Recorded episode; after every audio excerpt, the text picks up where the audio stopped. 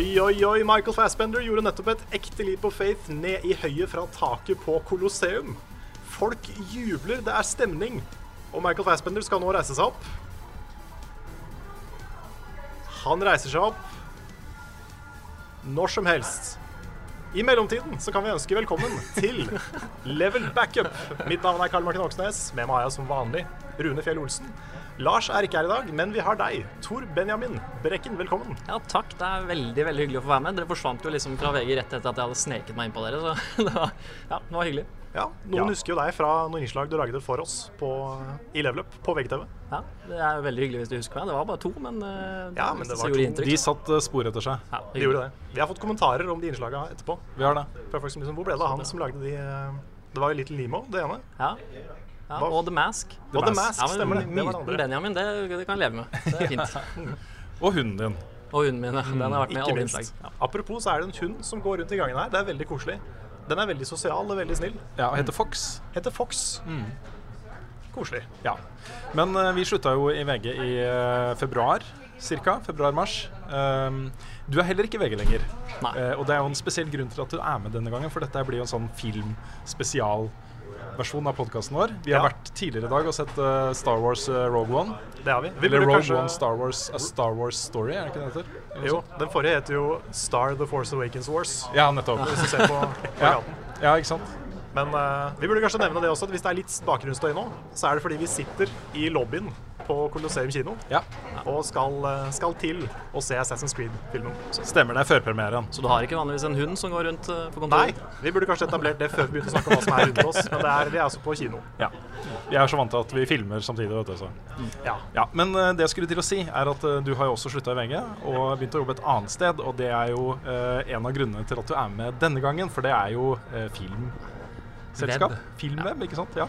Film er, ja, det er derfor jeg er med. Det er jo, eh, deres lidenskap er spill. Min er eh, for så vidt spill òg, men mer film, da. Ja. Eh, og det passa jo bra i dag. Når det er en Hva ble det om spillfilm? Det er så vanskelig å si det. Spillefilm. en spillefilm som det også er en spillfilm. Ja. Ja. Ja, Så det er en, en film basert på et spill. Det blir så langt å si, da. En Men, ja. spillspillefilm. Det, det kan man si. ja, ikke sant? Ja. Nei, det ble for tomt når dere slutta i VG, så jeg bare ja, må jeg komme meg ut. Og da bytta jeg. Ja, bare fuck dette. Liksom. Nå er det ikke noe vits å være her lenger. Ja. Nei, men Det er utrolig hyggelig at du kunne være med, og vi har holdt eh, litt kontakten eh, etterpå også. Ja. Ikke minst fordi vi syntes det var kjempegøy at du skulle begynne i filmer. Vi er også veldig glad i film. Ja, Så vi kunne jo laga liksom film- og TV-seriepodcaster også. absolutt. Det er jo mest, mest tid, Ja, kanskje, som stopper oss fra å gjøre det. Ja, hvem vet, Kanskje det er starten på et uh, fruktbart samarbeid. Hvem vet. det kan tenkes. Greit. Jeg vet ikke helt hvor vi skal begynne. Nei. Nei, det er mye å snakke om. Ja, vi, eh, Jeg nevnte jo at vi har vært og sett eh, Rogue One tidligere i dag. Hva er det den heter? Er Rogue One A Star Wars Story? Er det den Ja, den heter? det er den heter. Ok. Det er jo Star Wars 3,5.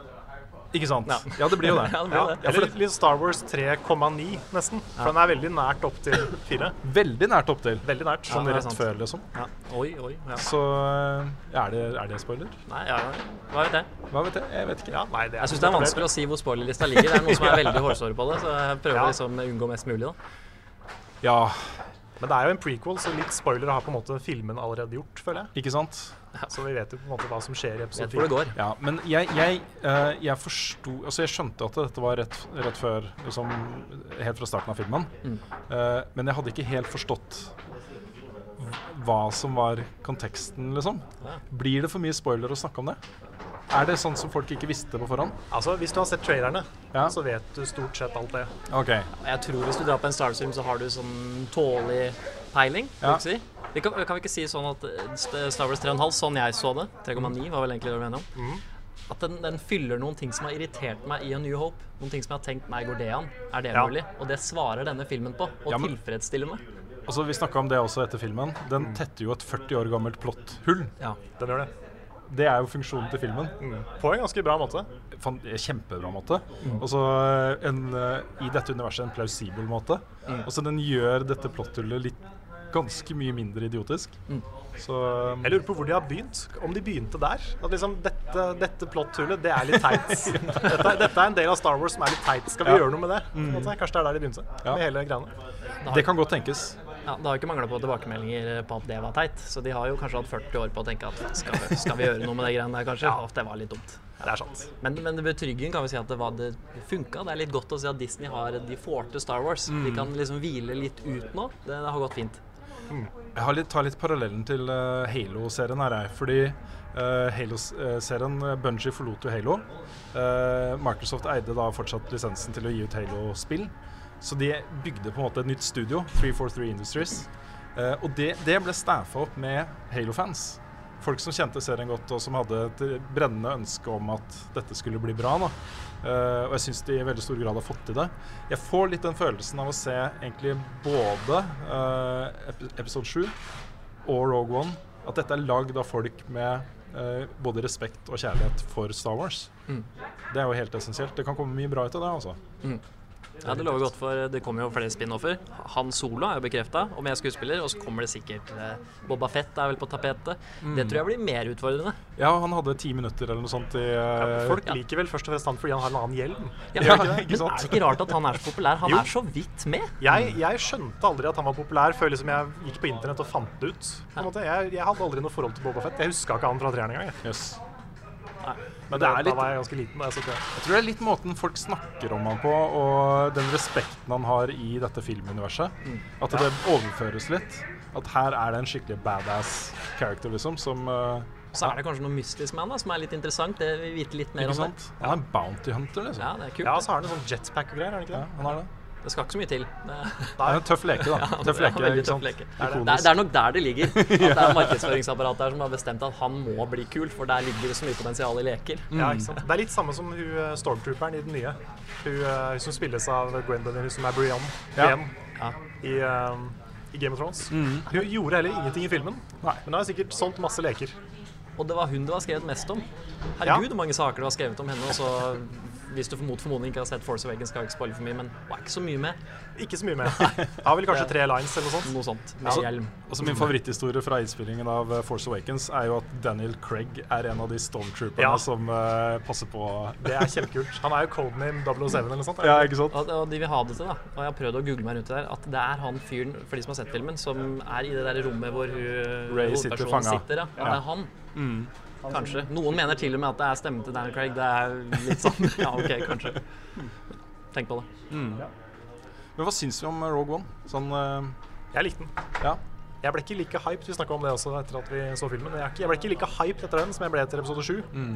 Men det er litt kanskje fordi det er en prequel, og da er det liksom av natur litt mindre sånn Hva skjer nå? Mm.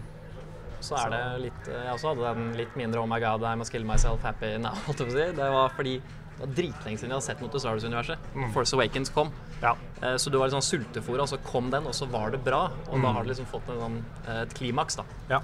Og så var Rogue One kjempebra, det må jeg si. Men ikke samme ja. Det, jeg likte veldig godt. Jeg har, jeg har veldig sansen for at de klarte å lage en, en eh, såpass engasjerende historie um, basert på liksom bare at de skulle fylle litt tid mellom to filmer. da. Ehm, jeg, elsker, jeg elsker som sagt at de tetta det plotthullet. Eh, og så syns jeg det var mye bra skuespill. Kan vi, kan vi snakke om, eh, om Mats Mikkelsen uten å rødme og begynne å stamme? og? Er det, er det mulig å snakke om han uten å liksom bli litt uh, Ja, du har, du har litt sånn man-crush på han. Ja, men han er så fantastisk. Ja, han er bra. Han blir jo bedre og bedre. Han blir bedre og bedre for hver eneste ting han gjør nå, føler jeg. Han er bra. Han, er bra. han var bra her òg. Vi kan ikke si så mye om han. for- Nei, det er sant. Men Mats Mikkelsen er flink, og det er jo litt kult at det er et skandinavisk alibi inne i Star Wars-universet. Jeg synes det er, blir litt stolt og har lyst til å flagge det skandinaviske flagget. Det fins ikke, men kan lage det. Ja, det er kjempebra. Han er jo også med da i Death Stranding, og da ble jeg også veldig glad når jeg så han eh, Ja. som er den nye spillet til eh, Hideo Kojima. Eh, fryktelig glad i Hannibal. Eh, Jaget. Du har kanskje sett Jaget? Jaget, eh, den danske. Ja. Barnehage, ja. Det er en fantastisk film. Har du ikke Ja, sett den, så Ja, den er helt utrolig bra, altså. Den er vond å se på, Ja, den er kjempevond å se på. men eh, bra. Da skal, jeg, da skal jeg se den en dag jeg ikke har behov for å være i godt humør. Det er derfor de filmene ofte ikke blir sett. Fordi man føler at man må være i en spesiell sinnsstemning for å se dem. Kanskje være litt deppa fra før. Også. Ja, eller at eh, det, liksom, det må være riktig tidspunkt. Det er mange filmer jeg har gått glipp av fordi jeg liksom aldri har følt meg klar for å se dem. Vanskelig. Det er noe med det. Kan vi, kan vi snakke litt om han uten å nødvendigvis gå så mye inn på hvem det er? Men det er jo en CG-figur i uh, den filmen her. Ja. I Rogue One. Det er to, da. Ja, det er, Altså, det er flere, faktisk. Det er mange. Ja. Altså, det er et full blown human som er gjort til en CGI. Ja, med lines og med liksom en ganske sånn greit chunk av filmen i seg. Ja da. Og med den tanke at dette skal vi kjøpe som et menneske. Ja. Ja, fordi det er eh, Ja, virkelig også. Ja. Og det går ganske tett på ansiktet hans og eh, Ja. nyanser i eh, mimikk og sånne ting. jeg huska ikke at han så lik ut som han gjorde i episode fire. Nei, jeg husker heller ikke det. For hadde jeg gjort det, så hadde jeg jo skjønt at han var CG. Ja. Jeg satt og tenkte at det er noe rart her. Er det fordi han er rar skuespiller, tenkte jeg. Eller er, det liksom, eller er han ikke ekte? Jeg så det med en gang. Jeg pleier å se det med en gang, Ja. men jeg så det ikke med en gang nå. Altså. Nei, Det var, litt- det, kanskje jeg var litt trøtt. Mulig, mulig. Jeg, jeg, jeg tror jeg lander på at vi vi er ikke kommet helt dit at det er, funker ennå. Men det ødela ikke filmen for meg. De Nei, det gjør det ikke. meg ikke. nok til at eh, Men det var noe rart. Ja, for det skulle, ikke, det, altså det skulle ikke vært mye dårligere før det hadde blitt veldig sånn Nei. Kunne ha ødelagt liksom alle scenene han var i. Nei. Men det var mer sånn at jeg bare la merke til det, og så tenkte jeg ikke så mye over det. Men du kunne sikkert også akseptert at den skuespilleren hadde blitt erstatta av en yngre skuespiller. Det skjønner vi, for folk blir eldre. Mm. Eller at han hadde lagd kameravinkler hvor kanskje ansiktet ble shada litt i vinduet, eller av den type vinkler. da. Ja, altså Hvis kan bytte ut eh, humlesnurr i eh, Harry Potter-filmene, så klarer de å bytte ut en litt sånn ikke fullt så viktig eh, birolle i Star Wars fra 1970-tallet, liksom. Det går an. Det er mulig. Det er Kunne vært kult hvis de tok den originale humlesnurr og har lagde CGI den gangen, og bare kjørte han Ja, med sju filmer. oh, jeg ser for meg en sånn humlesnurr med sånn googly eyes og bare Hello, Harry! Og liksom, så, blir, så blir det en tegneseriefigur. Ja, ja. Det er akkurat det samme. Barna merker ikke, vet du. Mm. De skjønner ikke. Men det at du ikke egentlig så det så godt, vitner om at vi er godt steg på vei, da. ja da. jo det. det, er det. Kommet mye lenger. Men visste dere at, eh, at um, uh, Noddy også er en eh, CGI-figur? Noddy, ja. Ja. Er det? Noddy, en liten fyr i morsom liten bil, Noddy. Nei, hva heter han for noe? Nå tenkte jeg på Jeg tenker på han derre- Dobby, tenker du? Dobby, Dobby tenker jeg på. Ja, Noddy, det er, fra Ja, barndommen. det er Ja, ja, ja. fra den tegnefilmen. Ja, er, Dobby, er ikke Dobby ekte? Nei, Men har, Seriøst? seriøst. wow. aldri grått så mye over en CGI-figur eh, som går bort, Det, altså. Nei, jeg vet det. Det var eh, Ja, da har du ikke, har du ikke sett mye Disney og Jo, ok, Okay, men sånn i det ekte universet, da. Sånn, liksom, ja. Som type sånn. Space Jam-variant. Jessica Rabbit. Men en ting som jeg syns er litt eh, fett da med Rogue One, og for så vidt også Episode 7, er at en ting de virkelig har skjønt, er at dette handler liksom om location, location, location. Og så De bygger ut alle disse backdropene for disse scenene så utrolig bra. Dette er steder som føles ikke virkelig, liksom, men de føles som ordentlige steder hvor det er folk, hvor det skjer ting, og det er ikke bare liksom et maleri. da. Det syns jeg er fett, altså. Utrolig vakkert. Jeg var sånn at jeg, jeg gikk faktisk inn på Google etter den filmen og googla 'bryllupsferie Maldivene'. Jeg var ikke forlova i det hele tatt, men den siste scenen var så nydelig. Ja. Jeg tenkte dit må jeg. Ja, det er sant? ikke ofte filmer får til det, altså. At Nei, det er du sant, en gang vil dit. Og så musikken også. Mm. Det er jo ikke, de bruker jo ikke Star Wars-teamet direkte i den her. Men det er likevel så veldig Star Wars, all musikken. Mm. Ja. Og det er et sånt soundtrack som liksom ikke du ser i så mange filmer. Mm. Det er veldig, eh, veldig tydelig, veldig melodiøst, og det digger jeg. Det er jo ikke John Williams som har musikken i Rogue One. Er det ikke det? Første Star Wars-film han ikke har det. Det er en som heter uh, Giochini. Men han har hatt Lost og Gylne kompass sånn forskjellige greier. Ja, nettopp. Så derfor er det annerledes. Og så må jeg også nevne uh, Vi får jo besøke på en måte lairen til en skurk i Star Wars-universet. Det er Jeg vet ikke. Også du kommer inn dit, og det er lava, det er svart og veldig sånn spisse ting. Og det er liksom røyk kommer ut når dører åpnes. Og Ja, ja. Det er ganske funny. Jeg syns det er ganske funny. Ja, men det er faktisk eh, Jeg, jeg sjekka opp det etterpå. Og det er basert på konsepttegninger fra George Lucas. Okay. Fra scener som han ville ha i de første filmene. Ja, nettopp. Det er kult, da. Det er veldig kult. Men det er jo, det er jo litt sånn eh, betegnende for hele Star Wars-serien. Den er malt med ganske brede strøk, føler jeg. Eh, ofte også både i design av, eh, av eh, drakter og hjelmer som er litt for store og sånne ting, liksom. Altså, det er mye sånne ting som det er lett å kjenne igjen, da. Litt sånn Men det var mange kule figurer i den filmen her, syns jeg. Ja. De har ikke brukt like mye CGI på de figurene. Jeg har skjønt Det er mye sånn vanlige kostymer som de hadde i de gamle. Mm. Og det er kanskje litt av grunnen til at det føltes liksom, autentisk Star Wars, da, at de fikk til det. Mm. Men uh, de fikk jo akkurat det med kostymer og steder og sånn, var jo noe av det de fikk til i prequels òg, syns jeg. da. Jeg, ja. Det kan si mye om de, men at de utvida universet med masse nye planeter som så bra ut, det, det naila de. Ja, de gjorde er det. liksom varemerket. Ja. Og det har de fått her òg. Og så er det den første Star Wars-filmen som føltes som en krigsfilm, Mm. syns jeg. Ja. Det heter jo Star Wars, men det er liksom, det, dette er første gang det var en krigsfilm, syns jeg. Mm, jeg er litt enig. Ellers har det vært mye adventure og sci-fi fantasy, liksom. Det har vært mange slag, for så vidt. Ja, men det er ikke, ikke på samme måte, Nei, ikke, ikke helt på samme måte. føler jeg. Nei, fordi um, her fikk du virkelig innblikk i at her sitter det folk som har eh, Også en av hovedrollene i filmen. Han eh, sier han joina The Rebellion da han var seks år gammel, og har vært en del av det helt siden, liksom.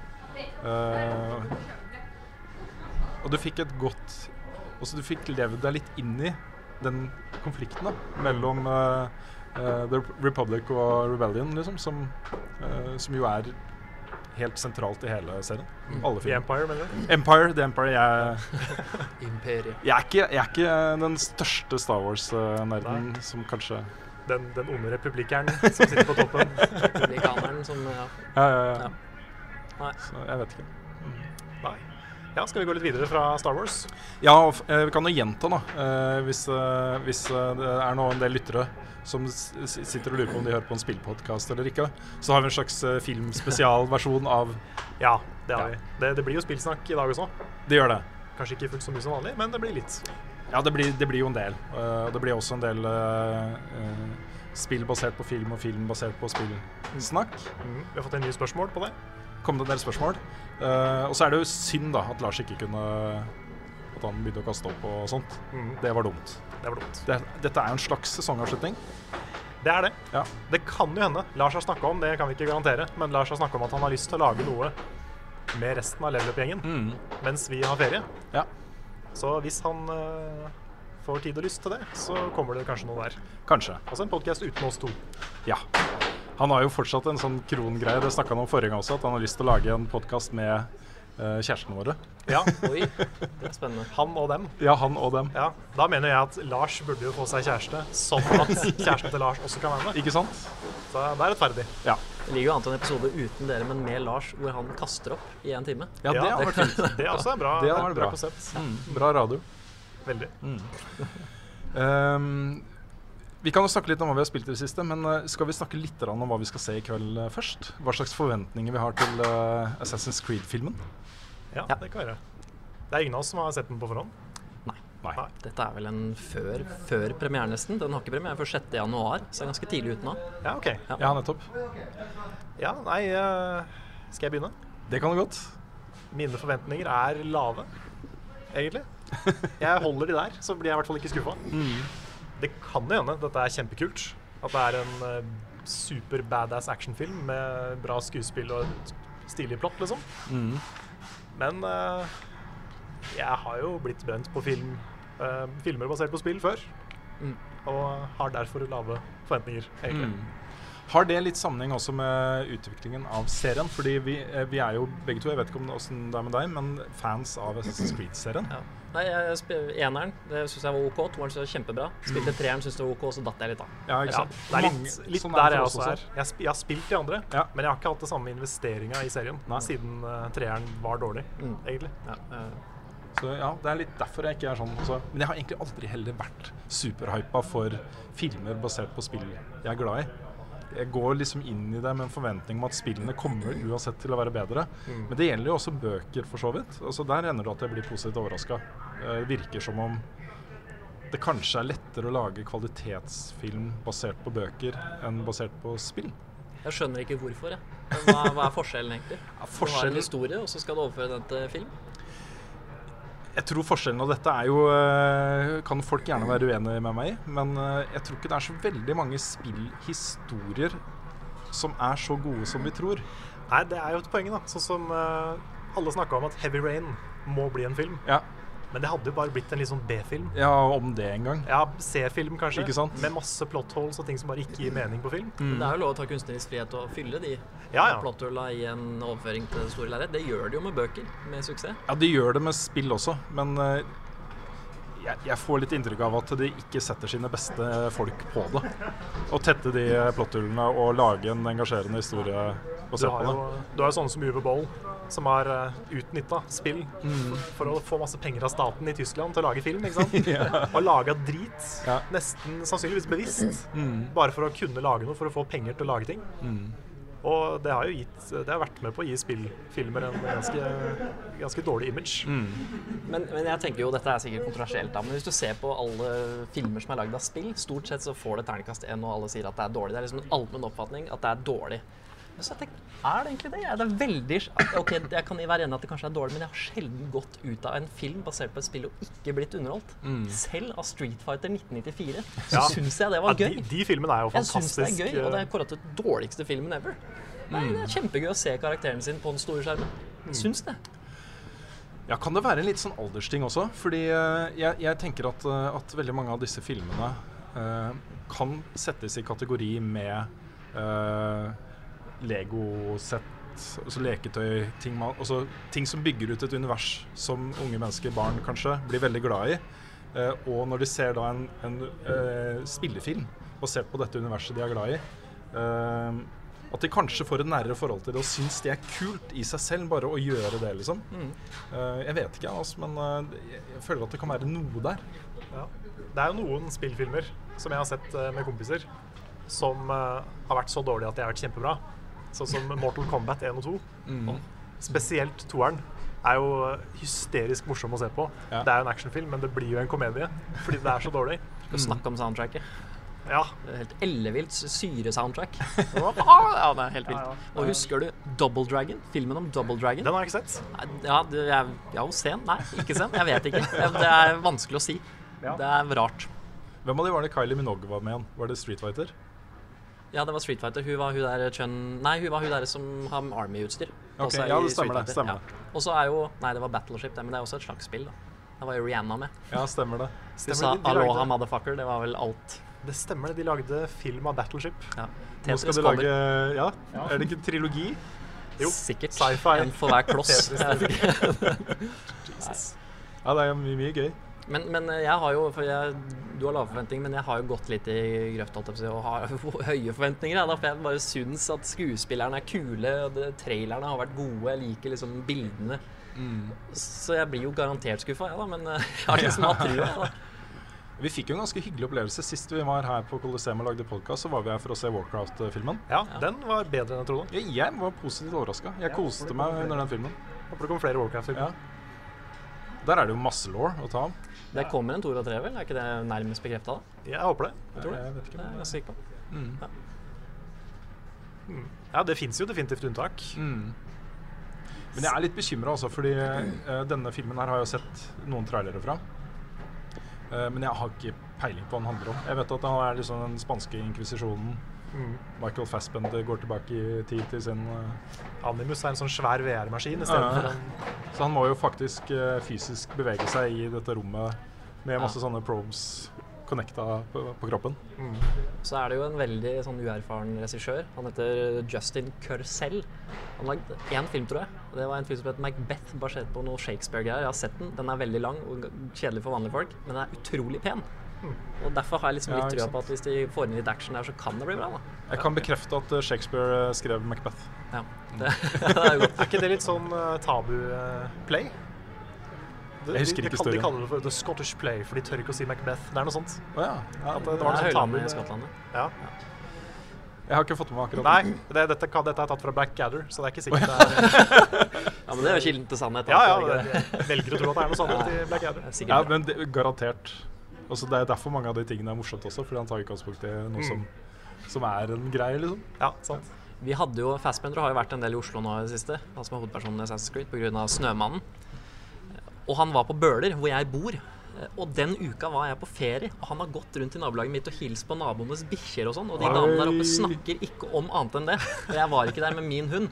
Så skulle jeg egentlig til England og intervjue han, så ble ikke det noe av. Og da hadde jeg tenkt å ha med bilde av bikkja mi. Kan du si noe om den, så jeg kan vise det til damene i mitt nabolag? Og så falt alt sammen. Ja. Så jeg håper jeg får en ny sjanse på Snømannen, da. Men sånn er det liksom. Jeg er ennå så langt ifra. For det er litt morsomt. Det, det er en ting du gjør nå. Du reiser rundt på disse presseeventene og intervjuer eh, superstjerner. Du har akkurat intervjua Chris Pratt og Jennifer Lawrence. Ja. ikke misunnelig i det hele tatt. Nei, det er godt jeg ser det ikke på deg.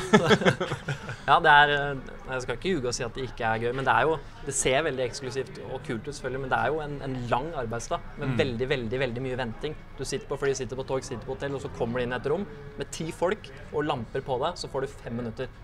Og når de sier fem minutter, så mener de 4.30, og er dame som står og teller ned i hjørnet. Ja. Og er du ordentlig uheldig, så er noen i dårlig humør, som Jennifer Lawrence var litt den dagen.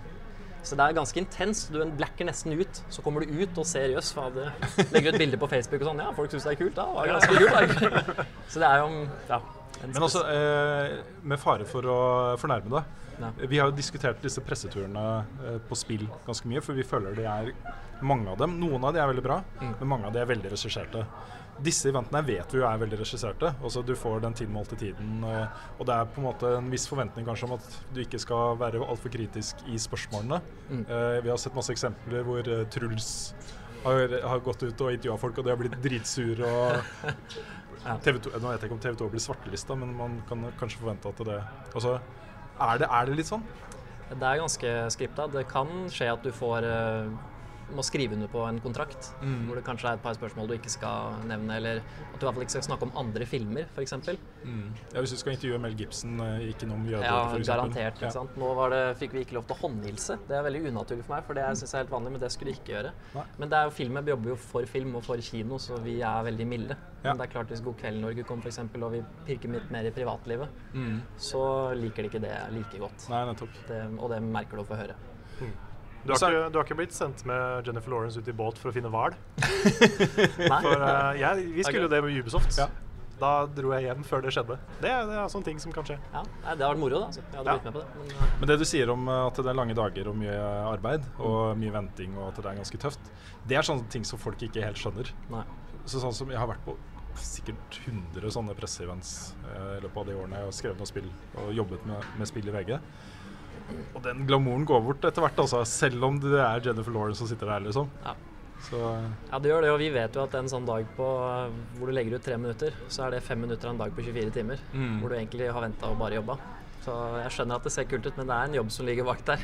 Men fikk du se filmen også? Det er 'Passengers' det er snakk om. Det er en film jeg gleder meg til, altså. Eh, Ja, den, den, du må se før du intervjuer det, ellers så blir det litt sånn Ja, nettopp. Skal intervjue deg om noe jeg ikke aner hva er. Du har vel ikke lov til å si om du liker den eller ikke ennå? Ja, Nå er vel presseembargoen gått over. Jeg synes det, Den har jo fått hard medfart. Ja. Det har den jo internasjonalt. Sånn. Jeg syns den var ålreit. Jeg var underholdt når jeg satt i salen her. Eh, Men jeg ser at den er jo ikke opp til liksom, Prometheus og Rival, som kanskje var årets sci-fi-film. Men, men jeg likte den. Jeg syns den var ålreit. Jeg kan ikke si altfor mye. Nei, ikke sant. Vi har også fått, noen, eh, vi har fått spørsmål om eh, om Arrival kan ta en del sånne filmrelaterte spørsmål etter hvert også. Det kan være. Men skal vi snakke litt om hva vi har spilt? Vi spilt? kan snakke litt om spill. Det er nesten Vi burde legge sånn timecode for de som ikke vil høre om film. Så kan de, så kan de hoppe hit Så høre om spill. Vi- Det er, det er sp- spillprogram, det. Ja, Ja, det det- stemmer det, pleier å være det. Ja. Det hender. Men det er når vi har en god anledning til å snakke ja. om begge deler, så må man jo gripe dem med begge hender. Selvfølgelig må man det. Ja. Men ja, eh, hva vi har spilt i det siste. Hvem vil begynne? Skal vi, vil du begynne, Benjamin? Ja, jeg kan godt eh, begynne. Altså, Først og fremst har jeg spilt egentlig mest Jewel Quest-mobilen på TV-en, men uh, jeg har også spilt Last Guardian, så jeg har prøvd å oppdra Trico. Ah, det har jeg jobba mye med. Ja. Uh, og jeg, det- jeg syns det er helt nydelig. Jeg, Mm. bare, jeg, jeg ser jo hva du mente med anmeldelsen, at det er en del teknikk og noen kameravinkler, og jeg krabber på en måte opp i rumpa på Trico et par ganger. Men, men det er en atmosfære der som du hadde i Shadow of Colossus, som jeg sitter og bare Jeg nyter. Jeg prøver å dra det ut. Jeg Mm. vil ikke liksom bli ferdig på de tilmålte åtte timene. Jeg går dit, jeg går dit. Det er bare åh, Selv om jeg hater det beistet. Intenst noen ganger. For det vil ikke være med. Jeg dro jo parallellen til det å oppdra barn, altså Ja. det å leve med barn Ja. i anmeldelsen min. For jeg føler det er veldig bevisst. Det at uh, Trico må ha sin egen personlighet. Hvis han, hvis han ikke har det, hvis du bare kan kommandere han til å gjøre de tingene du vil han skal gjøre, så klarer du ikke å bygge den relasjonen mellom de to. Nei. Da klarer du ikke det å engasjere deg på samme måte. Nei. Jeg, jeg har også spilt gjennom det nå. Mm. Um, jeg er veldig enig med at hvor fantastisk og nydelig det er. Jeg hadde ikke så mye problemer med Trico. Jeg hadde egentlig mest problemer med han gutten. Mm. Fordi han er så floaty, og han er så sånn Når jeg skal hoppe fra, et, fra en vegg til en annen, det funker ikke, liksom. Spesielt den der lenka som eh, går fra en vei til et annet, en annen, Mm. et eller annet sted. Det bare fikk jeg ikke til å hoppe fordi kameraet ville ikke. Og han ville liksom ikke lene seg riktig vei. da. Så det er en del sånne ting som irriterer meg. Mm. Men Trico syns jeg bare er helt fantastisk. Mm. Så er har du sett ansiktet hans? Det er nydelig laga. Jeg måtte Ja. stoppe spillet og rope på samboeren min som er glad i dyr. Maren, du må komme hit, se på det. Og så kommer Namen så søt. For han er så nydelig. Ja, men han er det. Utrolig bra laget, altså. Ekstremt mye personlighet. Ja. Ja, det er det at den er så levende. Mm. Og, og bare det at liksom Et øyeblikk da som jeg var stuck, visste ikke helt hvor jeg skulle gå, så visste Trico hvor vi skulle gå. Ja. Det også er kjempekult. Ja, det er kult. Han bare løser greia for meg. Ja. At han, bare, han skjønte det før jeg skjønte det, så bare OK, Mm. da bare kjører vi videre. ja. Men hadde dere noen øyeblikk Det var noen øyeblikk hvor jeg kom til et sted og tenkte om jeg får med meg han på en eller annen måte. Så plutselig sto han ved siden av, så ante jeg ikke hvordan han hadde kommet seg dit. Hvor var det hølet i veggen? Eller hvor var den? Plutselig bare var der. Flere ganger. Nei, ikke akkurat. Men det hendte at jeg, at jeg catcha han i å komme liksom over Ja. Taket på så høyt der oppe, liksom. Ja. Um, så det kan, kan ha vært sånne type ja, sikkert. Men det, jeg syns det er nydelig. Jeg. Og så er det kanskje litt sånn der, eh, det at eh, det var ikke dårlig. Du har venta så lenge. Så jeg kunne tilgitt ganske mye, tror jeg. Så lenge det ikke var helt crappy. Jeg hadde mentalt forberedt meg på, eh, på det jeg antok kom til å komme, Uh, fordi uh, kameravinklinger og uh, kontrollsystemet har ikke vært bra i verken Ico eller Shadow of Colossus. Uh, og jeg var litt mentalt forberedt på det. Så jeg, de problemene med, med gutten da, uh, hadde ikke jeg så mye. Fordi jeg i sånne tilfeller hvor jeg visste at hvis, hvis ikke kameravinkelen er riktig her, så kommer det til å gå gærent, så tok det meg bare litt ekstra tid og bare sørga for at OK, nå vet jeg at vinkelen er riktig. Hvis han hopper nå, så går det bra. Så jeg hadde ikke så mye problem med akkurat det. Men akkurat den tønnebæremekanikken hadde jeg litt problemer med noen ganger. Hvor uh, du skulle plassere en tønne oppå en, en kasse, Ja, stemmer. f.eks. Den scenen, den sekvensen holdt jeg med på litt for lenge, liksom. Sånne ting var uh, Ja. Ja, jeg, jeg tenker at mye av det er sikkert med vilje. Ja. Det at du skal føle at du er en liten og litt sånn stakkarslig gutt som ikke får gjort så mye på egen hånd. da. Mm. Men eh, ja, det, er, det er de tekniske tinga som jeg liksom hang meg opp i. Det, Ja. det med at liksom, du skal hoppe en vei, og så vil den ikke. Mm. Liksom. Ja. Det var det eneste jeg hadde liksom skikkelig problemer med. Mm. Alt det andre var helt fantastisk. ellers så sitter de der nå og puster så letta ut. Å, de tror de er villige. Ho. Ja, Det var enda godt, fordi her hadde vi dritt oss ut. Ja. Det er fordi um, Ja, det, altså det, det kan jo hende, men jeg tror ikke det. Nei, jeg tror ikke det Jeg tror virkelig ikke det. Uh, jeg måtte jo uh, jeg, jeg formulerte ikke det godt nok i uh, anmeldelsen min, men folk jeg har jo trodd at, at jeg mente alle de tekniske problemene med spillet var med vilje, og det mener jeg jo ikke. Mye av det er Altså Jeg skulle så ønske at de hadde hatt et be, altså, be, mer teknisk kompetent team da, til å lage disse spillene. Og så må de slutte å prøve å innovere med controls. Sånn som, Det er ikke noe grunn til at du skal hoppe med trekant. Nei, det er jo egentlig ikke det. Hvorfor i all verden skal du det, liksom? Mm. Det, det syns jeg er kjemperart at de driver med det fortsatt. Ja, I, uh, i Japan vet du, så betyr jo X nei. Ja, Ikke gjør det. det er sant. De pleier å flippe det da på Ja, de gjør det. eh, Mm. lokaliseringer. Ja, for jeg gikk rett inn i startmenyen og sjekka om det gikk noe å forandre. For det Ja. hender jo. Men å venne seg til sånt, det er uff. Og så må du avvenne deg med det seinere når du skal spille et annet spill. Mm. Det er uff. Ah, det der er svøpen til en uh, profesjonell spiller. Ja, Det å spille det ene spillet etter det andre og lære seg nye kontrollsystemer. Ja, men akkurat det der med controls, Ja. det er liksom sånn spilldesignregel nummer én. Mm. Ikke begynn å fucke med sånne ting. Nei. Noe da- er universelt. Mm. Ja, noe burde liksom du holde deg til det vanlige. Mm. Jeg husker jo uh, Windwaker. Kunne du vel ikke endre uh, inverse bevegelse Nei. på stikka, liksom? Lars sier det, at ikke du kunne Nei, ikke på originalen, tror jeg. Nei, okay. det er riktig. Og Mm. det husker jeg var et irritasjonsmoment. Jeg brukte i hvert fall to-tre timer Ja. før jeg klarte å venne meg til deg, liksom. Ja. Ja, I remaken så brukte jeg bare gyroen, og da var det ikke noe problem. Men uh... Ja, for i remaken så kan du vel også justere uh, ja, om det det er skal være inverse eller ikke. Det er- Jeg tror ikke Lars fant det i remaken, okay. men det, det kan hende det er mulig. Altså. Har ikke prøvd. Remaken. Nei, ja, det husker jeg ikke i farta. Men eh, Nei, jeg er ikke helt sikker. Men uh, i, i Shadow of the Colossus så var det jo Det å holde fast i ting var jo med triggerknappen foran. Altså ikke triggerknappen, men den over, f.eks. Det var jo helt nytt. Ingen hadde brukt den knappen til noen ting, egentlig. Annet enn å kaste granater eller eh, det er sant. Jeg, jeg føler at jeg liksom Jeg tilgir det litt mer i Shadow of the Colossus. Ja. Fordi da var det ikke så mange spill som gjorde det det spillet Nei. gjør, på klatring og sånne ting. da Mm. Men nå har vi liksom Nå lever vi i en, en post Assassin's Creed-verden. Og The Last of Us og alle de spillene som har en del sånn bevegelig, beveging. da mm. Så jeg vet ikke, de burde tatt litt mer inspirasjon fra ting som faktisk funker og er nyere. Ja, kanskje. Det har jo vært et spill som har hatt uh, mye problemer i utviklingsfasen. Som har vært veldig lenge, liksom. Type elleve år. Og um, uh, man ser jo at, uh, at det ikke har gått helt smooth for seg. Dette kunne jo og burde jo kanskje vært et PS3-spill. Men, eh, Ja. men det er noe med når på en måte For meg da, så er det på en måte den kunstneriske kvaliteten i spillet som betyr noe. Altså det er det, er, det, er det og- det overskygger liksom alt annet for meg. da. Ja, Det er det jeg kommer til å huske med The Last Guardian. Ja, og så har jeg også eh, tror jeg, og det vil gjelde for deg også, at når du ser tilbake på The Last Guardian om et halvt år, kanskje du bare ser en scene fra det eller et eller annet, så vil du like det enda bedre igjen. For det er et sånn type spill som vokser, også betydningen av dette forholdet mellom de to, og den opplevelsen du har hatt sammen med dem. Den opplevelsen vokser i hodet ditt etter hvert, da. Eh, kanskje det kommer en del spill som du spiller, og som ikke gir deg den samme type connection til spillfigurer, og så ser du mer verdien i det. Det er, jo, jeg, det er det samme som skjedde med Shadow of Colossus. Når jeg tenker tilbake på det dag, så husker jeg hvor mye irritert jeg var over den kontrollen. Men når vi snakker om det høyt, så er det ikke det jeg drar fram. Det er Nei, ikke det jeg egentlig husker, hvis jeg ikke pirker i det. Det er eh, atmosfæren, musikken, eh, bare å være i det universet. Det kommer til å skje med Last Guardian, garantert. Jeg, jeg satte meg ned med IK ehm, og skulle anmelde det. Hadde fryktelig dårlig tid, for da hadde vi jo faste sider i papiravisa og sånne ting. Eh, så jeg spilte gjennom det på en dag eller to, og så måtte jeg skrive anmeldelsen rett etterpå fordi det skulle i trykken dagen etter eller noe sånt. Eh, og da ga jeg den en femmer. Det er, det er den, den anmeldelsen som jeg angrer mest på liksom, noen gang. Da. Fordi det tok jo liksom to uker etterpå før jeg slutta å, begynne å tenke på den sånn i alle ledige stunder. Og var tilbake der og tenkte på ting som hadde hendt, og det vokste veldig da, i tiden etterpå. Så eh, ja.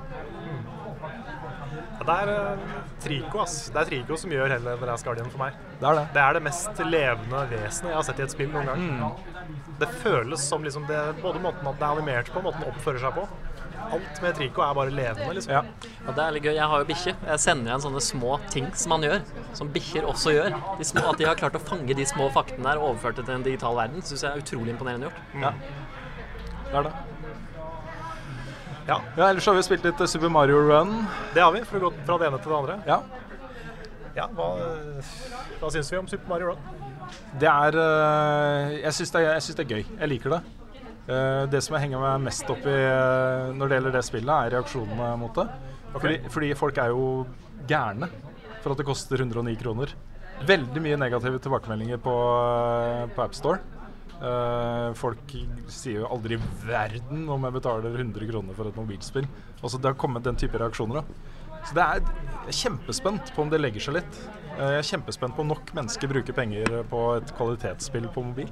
Ja, jeg har en tese der, og jeg tror at eh, folk får en opplevelse av å føle seg lurt når du kan laste den ned og spille tresbrett, og så må betale. Jeg tror ikke reaksjonen hadde kommet hvis det kosta 109 kroner i utgangspunktet. Ja, men Det er en sånn innebygd instinktiv følelse. For da å hadde de nok litt- bare valgt å ikke kjøpe det.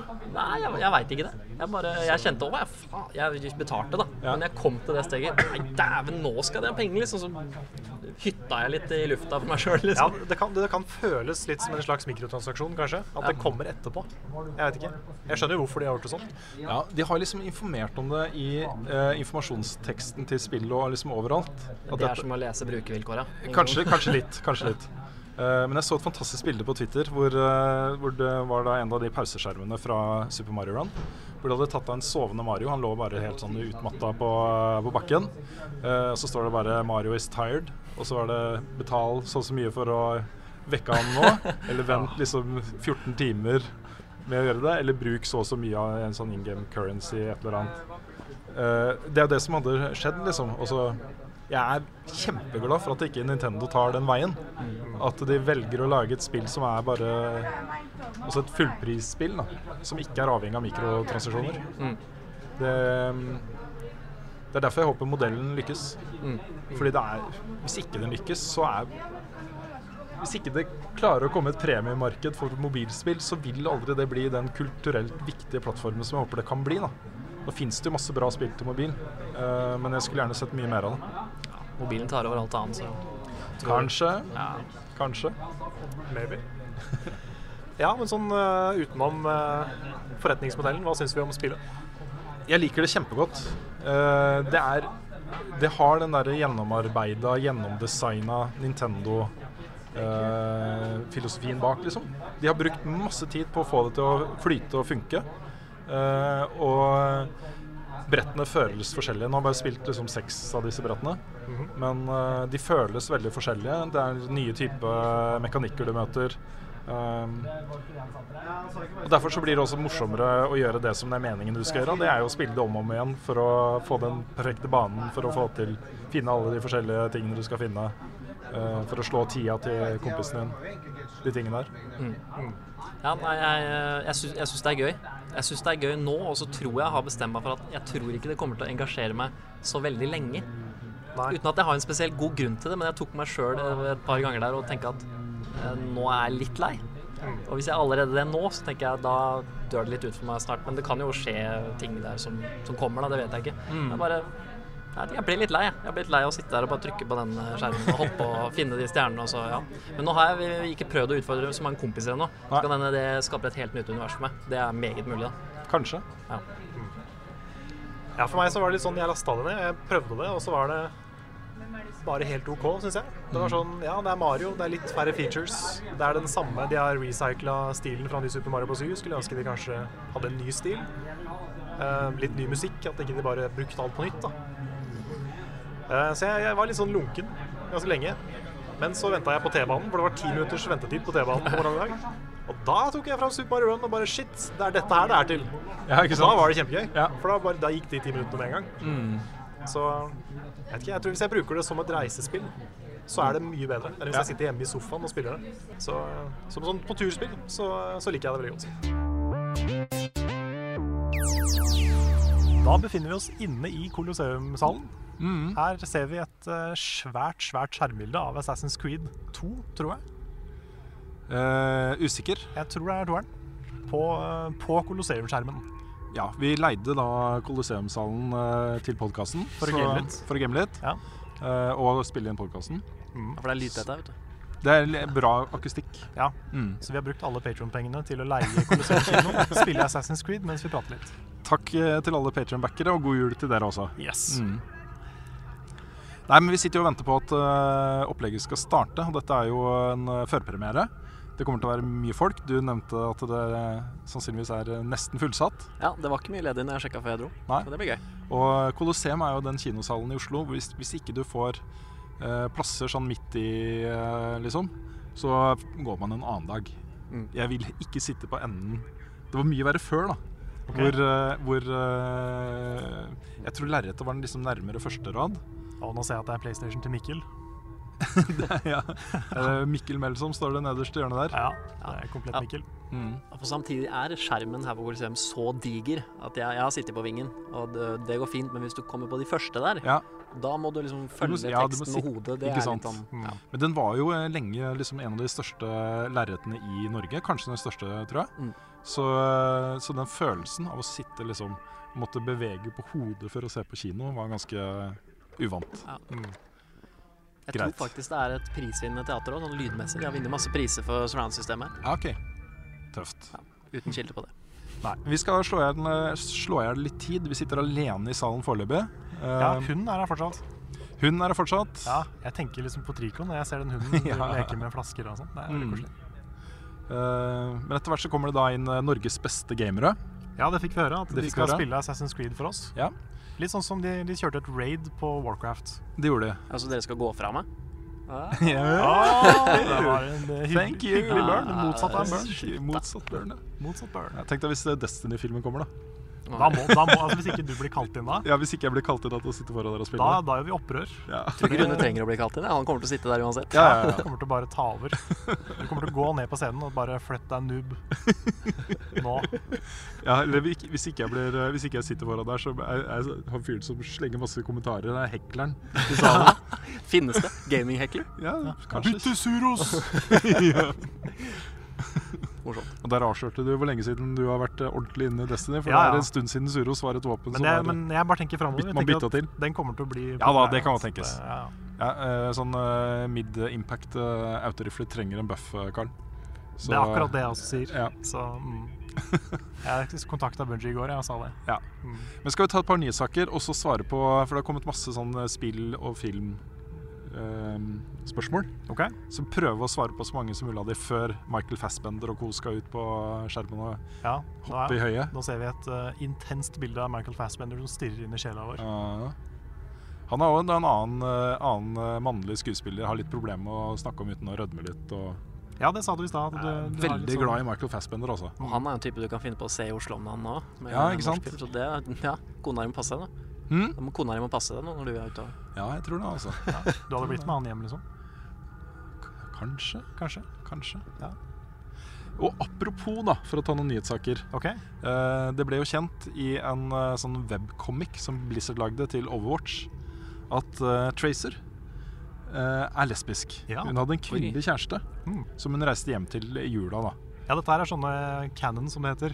webcomics eller Ja. sånn. Som Ja, De bygger ut backstory til rollefigurene, både med, uh, både med CGI-filmer, som de har lagd til alle, jeg vet ikke. I hvert fall ja, mange ikke av dem. alle, men noen. Ja. Uh, og med webcomics. Så de bygger ut litt law rundt hvem disse rollefigurene er. Mm. Uh, og har da valgt å gjøre henne lesbisk. Som jo har blitt veldig godt tatt imot av mange. Um, men de var litt stressa for hva som skulle skje i Russland, så den webcomicen kommer ikke ut i Russland. Nei. Der er det jo forbudt. Ja, der er, ja, det er ikke et hyggelig sted Nei. bestandig. Så det var nyhetssaken. At uh, de velger å ikke gi den ut til Russland. Ja. Ehm, og de sier at det var deres valg. Det var ikke noe sånn at de har blitt pressa av russiske myndigheter til å gjøre det. Men de har bare valgt å ikke gjøre det. Hadde ikke sendt et nydelig signal og bare boikotta hele Russland med Ja. spill, da. Kanskje. Vet. Kanskje. Nei. Det er hyggelig, da. De får sånt inn i, inn i spill og viktig. Mm, Viktig steg. Mm. jeg syns det. Definitivt. Jeg er Ja. veldig spent på om de kommer til å lage en ordentlig story mode til Overwatch noen gang. For det er jo egentlig ikke noe story i selve spillet, i det- multiplayer. Det går jo rykter om det nå, fordi eh, de har begynt å annonsette folk med eh, bakgrunn i historiedrevne skytespill. Oi.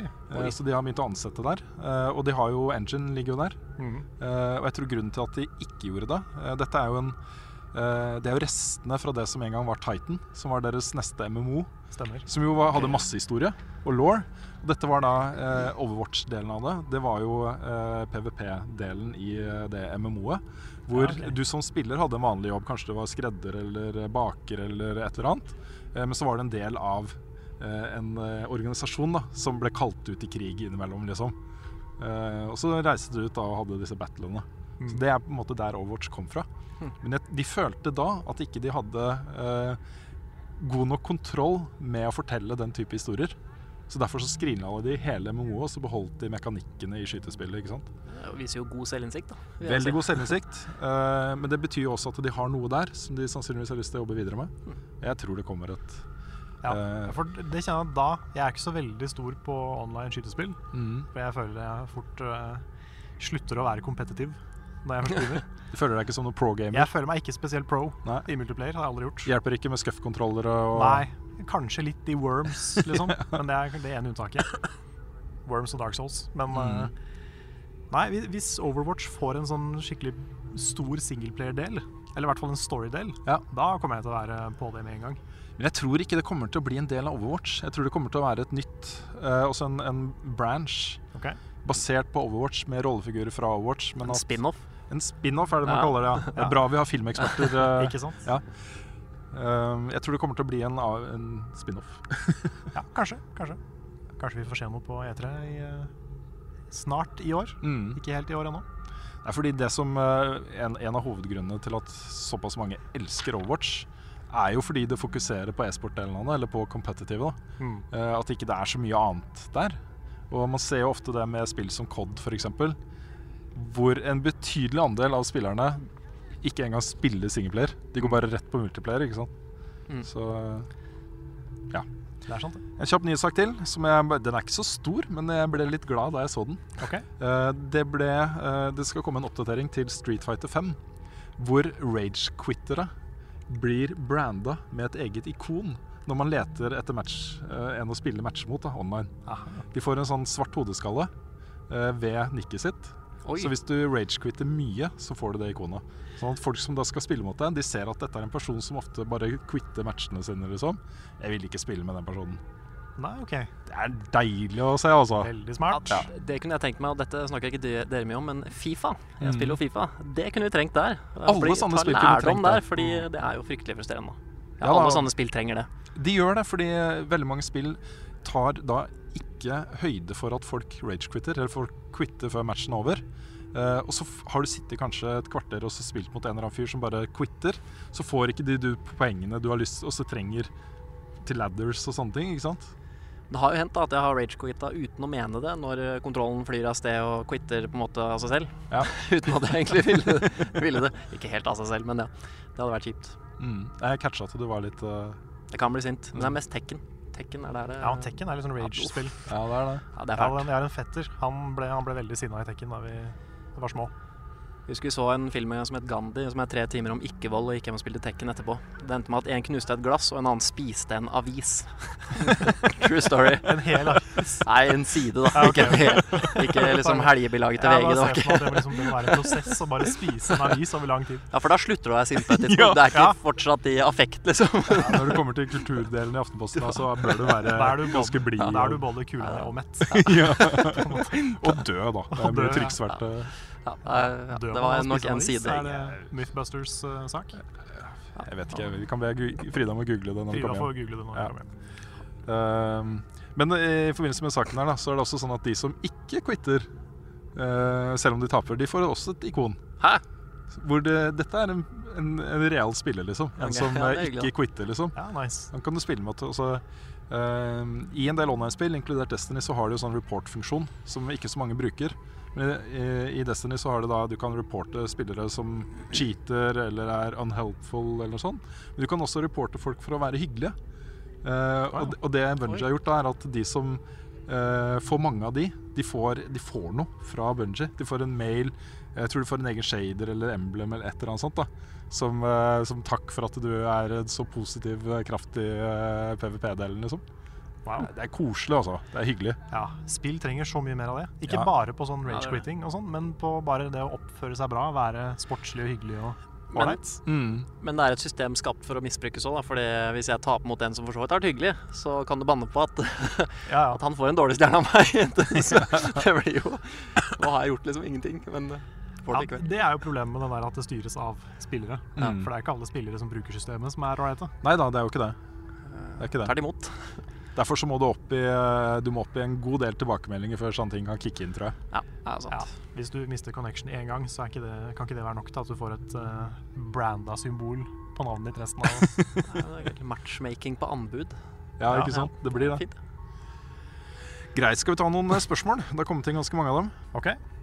Um, vi kan starte med et spill vi for så vidt har snakka litt om uh, før. Um, men det er fra Lars André Holtehagen på Patron. Og han spør om våre meninger om spill som blir film, eller film som blir spill. Ja. Hva, ja. syns vi generelt om det? Jeg tenkte å starte med et litt sånn bredt. Ja, det var veldig bredt. Veldig bredt. Ja. ja. Nei, jeg er for at man lager film av spill. Mm. Sånn, hvis det er det store spørsmålet. Det er jeg veldig for. Og det Mm. kommer jo en hel haug framover òg. Om det er så vellykka alltid, vet jeg ikke, men vi snakka litt om det i sted. Jeg syns ofte de har litt ufortjent eh, rykte. For jeg er veldig ofte underholdt Ja. av de filmene, selv om jeg ser at dette er ikke dritbra. Men det er sjelden jeg går ut og liksom ikke har hatt en fin opplevelse på kino. Ja, men ja, min, min, min terskel for når jeg har hatt en fin opplevelse på kino, tror jeg er, er litt høyere. Fordi eh, jeg vil ikke bare ha hatt en grei opplevelse, liksom. Um, og jeg føler vel at veldig mange av de filmene som er basert på spill, er det, da. Underholdende greit. Jeg kan se det på, eh, på DVD eller også Mm. VHS. eh, I gamle dager. Jeg, jeg, jeg kan se dem og syns det er hyggelig å se dem, men jeg vet ikke Jeg har ikke så veldig lyst til å betale penger for å gå på kino for å se en Nei. grei film. Ja, jeg ble satt i knipa med en gang jeg fikk kontraspørsmål. Og da ja, men kan du si én film basert på spill som er genuint bra? Mm. Som du opplever som en ordentlig god film? Og det nærmeste jeg kom da, var eh, Prince of Persia med Mm. Jake Gyllenhaal. Den syns jeg var ganske genuint okay, god. Men utover det så klarte jeg virkelig ikke å finne på en. Det er ikke så lett også, fordi de stopper gjerne på grensen til noe Ja. bra, liksom. Uh, og det, jeg vet ikke. Du kan jo se akkurat det samme andre veien. Mm. Spill basert på film. Mm. Det er ganske langt mellom de genuint uh, kjempebra uh, Kjempebra, men det skal bare Mikkel! Halla! Her kommer Mikkel. Nå kommer Mikkel løpende opp. Ja, Har dere sett eh, Star Wars-filmen i dag? det har vi. Ja, vi likte den veldig godt. Ikke, ikke sånn der flagre med trusene, sånn som du gjorde nå. Jeg Bra, men satt og Ja, det kan ikke sies på radio. Det kan ikke sies på Nei, jo, for dere har ikke noe Det var jævlig bra. Mm. Jeg satt og hadde ordentlig Jeg gestikulerer eh, hva jeg, hva jeg syns om filmen. mm. Det var, Kult. det var en såpass tydelig gestikulering at du kan høre det på podkasten. Det er veldig bra. Vi- En av dere har lyst til å være med og snakke litt om Assassin's Creed etterpå? Spillene? Oi. Kan jeg springe opp her og bare høre hva dere forventer av filmen? Uh, ja, det kan du godt. Gjerne det. ja, nei, hvor var vi? Um, jo, uh, det er ganske langt mellom gode spill basert på filmer også. Uh, det fins jo noen, eh, noen eksempler på veldig gode spill basert på filmer. Men det er, det er da gjerne spill som har uh, lagd sin egen greie. Som ikke har vært eh, bare en gjenfortelling av hele plottet i en James Bond-film. liksom Ja, som- Eller en Harry Potter-bok eller film. Og som ikke har blitt rusha ut for å rekke en filmdato. Ja. For det er veldig ofte problemet at spill får kanskje et år Mm. i utvikling. Og så har de fått noen tidlig versjon av noen filmmanus og litt sånne ting som de får jobbe ut av. Ja. Og så må spillet ut samtidig som filmen. Yep. Og så er selger det så godt. Hæ? Og så selger det godt. Ja, ja, det er jo selger derfor de bare fortsetter. For det er jo ja. kids der ute som eh, Jeg hadde jo høvla over det sjøl, hadde jeg vært på den alderen. liksom. Ja, er du gæren? Men så er det et er- faktum at eh, spill tar lengre tid å lage en film. Mm. I veldig mange tilfeller. I hvert fall moderne spill. Ja. Det er jo for Hvis du går tilbake i tid, så ser du at det er veldig mange flere spill basert på filmer som er bra. Mm. Sånn som alle Capcom og Westwood Disney-spillene, f.eks. Ja. er jo geniale. Ja, og det, og det er ikke bare noe vi sier basert på nostalgien, for de har vi spilt opp igjen. Ja, ja. Og prøvd igjen, og det er fortsatt gøy. Det er, for, det er, det er blant det beste på Super Nintendo Mm. og Sega. liksom. Og Golden Eye på Nintendo 64 Nei, det er var helt insane bra. og gøy, det var utfordrende. Jeg tror fortsatt eh, jeg sliter med den strutsen på Løvenes konge. Jeg synes den er helt grusom. Ja, den suger. Det er bare helt random, det, om du klarer det. Det føles Jeg klarte, jeg klarte timinga til slutt. Men det, tok, det tok mange uker med øving da jeg var liten. Ja, da, da skal du forskes på. Ja, det er noe spesielt. Jeg, eh, jeg må finne det. Jeg må finne tilbake til det. Så kan jeg være labrat. Men på generelt grunnlag da, så vil jeg si at eh, ting er som regel best for det mediet det ble laget for originalt. I ni av- ni- 99 99 av 100 Unnskyld, vi lager, vi lager litt podkast. Håper ikke det Nå begynner det å komme folk her, så vi må nok gi oss eh, snart. Det må vi nok. Men uh, i, i 99 av 100 tilfeller så er originalen, om det er en bok eller film eller spill, best. Ja. Ikke sant? Ja. Um, unntaket er jo sånne ting som 'Ondskapens hotell', f.eks. Mm. Uh, som jo er en Stephen King-bok, som ble en Stanley Kubrick-film. Begge deler er dritbra. Ja, men filmen ja, spin-off der mens filmen skiller seg veldig fra boka, ja da. for de som har lest den. De, men det er kanskje måten å gjøre det på, da. At Ja. Du må gjøre det til direkte, ta den direkte overføringa. Ja da, for du kjenner jo en, med veldig mange av de viktigste elementene. Mm. eh, med liksom evnene til han gutten og Mm. eh, Red Rum og øksa gjennom døra. Ja. En del av de nøkkeltingene er jo fortsatt at han skriver uh, 'all work and no play'. Man kjenner igjen liksom Historien er den samme, men den er fortalt på en helt annen måte. Det gjør de. Fun facten her er at Stephen King hater den filmen. Ja da. Det, jeg, jeg, tror, jeg tror han liker den bedre på sine eldre dager. Kan godt hende. Han har hende. liksom uh, snakka litt om at uh, han har endra litt mening Ja. der. Men da den kom, så hata han. ja, det ikke, lagde ikke han sin egen versjon av 'Ondskapens hotell'? ja, Nå arresterer meg, det vet jeg jeg husker ikke. Men han har jo skrevet en oppfølger da, til Ondskapens hotell-boka. Yes! Eh, Doctor Sleep heter den. Ja. Eh, og den kan jeg bekrefte er veldig god, så jeg håper det blir film av den òg. Jeg skal eh, absolutt lese den. Ja. Kanskje, kanskje det skal være jule, juleboka mi. Ja. Uh, ellers så må jeg trekke fram uh, uh, Riddick, 'Escape Ja. from Butcher Bay', eh, spillet. Mm. Som jo var fantastisk bra spill. Det var en historie som ikke var en del av filmen. De Mm. lagde sin egen historie. Men da basert på det universet. En Det var ting- bra, altså. En ting som har vist seg å funke veldig bra, syns jeg, eh, det er jo filmer, gamle filmer som blir til TV-serier. Ja. Sånn som Westworld er jo et prima eksempel. Men så mange filmer som hadde vært dritkule som TV-serier. Mm. Si en Harry Potter-TV-serie, da. Ja. Eller uh, hva som helst av sci-fi fantasy, eller noe som ikke er det i det hele tatt. Mm. Det er så mange, det er så mange filmer som kan bli flasha ut så til de grader i en sånn lang, Mm. bra TV-serie. Ja, nå blir jo, eh, nå blir jo apropos Stephen King, Uh, hjørnesteinsverket hans, Ja. Dark Tower-serien, blir jo Er det det TV-serie det blir, er det ikke det? Nei, det blir film. Film, ja. Eh, og det er jo da Matthew McConney og Idris Alba som er casta til den så langt. Ja. Der jeg kjøpte den del én, for jeg skulle ut og fly. Mm. Visste ikke at dette var et svært verk. Og leste gjennom og tenkte faen, det, det slutter jo ikke. Og så så jeg hylla så å ja, det er sju til, og alle er bibellange. ikke sant? Men det, det er så bra. Ja, det er kommer fantastisk. til sommeren neste år. Ja, nettopp. Det blir konge. Ja, det er kult. Ha. Eh, greit. Eh, spørsmålet er fra, på Facebook fra Daniel Granberg. Hvis man ser på lister over kommende filmer som figurerer på lister som 'Disse filmene gleder vi oss til i hakeår', er det oftest oppfølgere, remakes, reboots eller adapterte manus. Hva synes dere om dette? Helt greit, eller for få originale filmmanus? Det er jo, det er jo føler jeg, mye vår skyld også. Ja. At mennesker liker ting de kjenner fra før. Det er jo er- sånn i spill også. Vi er vanedyr, på en måte. Ja da. Men det er ikke, dette har jeg tenkt en del på, det er ikke nødvendigvis sant. For det er jo sånn at eh, når det kommer en oppfølger, så er det fordi en ener gjerne har gjort det bra, tjent mye penger. Ergo de har mer penger til å markedsføre den filmen. Så det er de som er mest synlige. Mm. Hvis du ser på filmer som kommer, og ser på filmer som kom i år Jeg skrev faktisk en liste om akkurat det her. Masse av det som ligger på eh, kinotoppen, er Hacksaw Ridge, Bon Toma og Girl with, a Girl with All the Gifts, Arrival. Masse filmer som ikke er basert på noe, som gjør det kjempebra. Og det er en hel haug av de, men de er ikke like synlige fordi de har ikke samme budsjett. Ja, men også, er. Arrival er basert på novelle. 'Girl with All Ja. the Gifts' er basert på en bok. Ja, nå eh, tenkte jeg på oppfølger og Ja, sånn, ja. sånne ting. Ja, det meste er basert på bøker. Ja. Det er jeg enig i. Så hvis du tar vekk det, også er det verre. ja. Men det lages mye som ikke er en oppfølger til en superheltfilm, som ikke har en toer bak seg. Mm. Som, eh, og som ikke er liksom en spin-off av et univers som Star Wars. ja, Så nettopp. det er litt en myte òg, og så er det litt sant. Det har med penger å gjøre. Ja, men sånn er det jo i spill også. Også det er jo eh, Det er jo COD og Fifa og sånne ting som får mest oppmerksomhet. Eh, men det er alltid noen liksom breakout standouts som, eh, som står igjen på slutten av året som en del av det som definer, definerte spillåret. Mm. Ting man kanskje ikke hadde forventa på forhånd.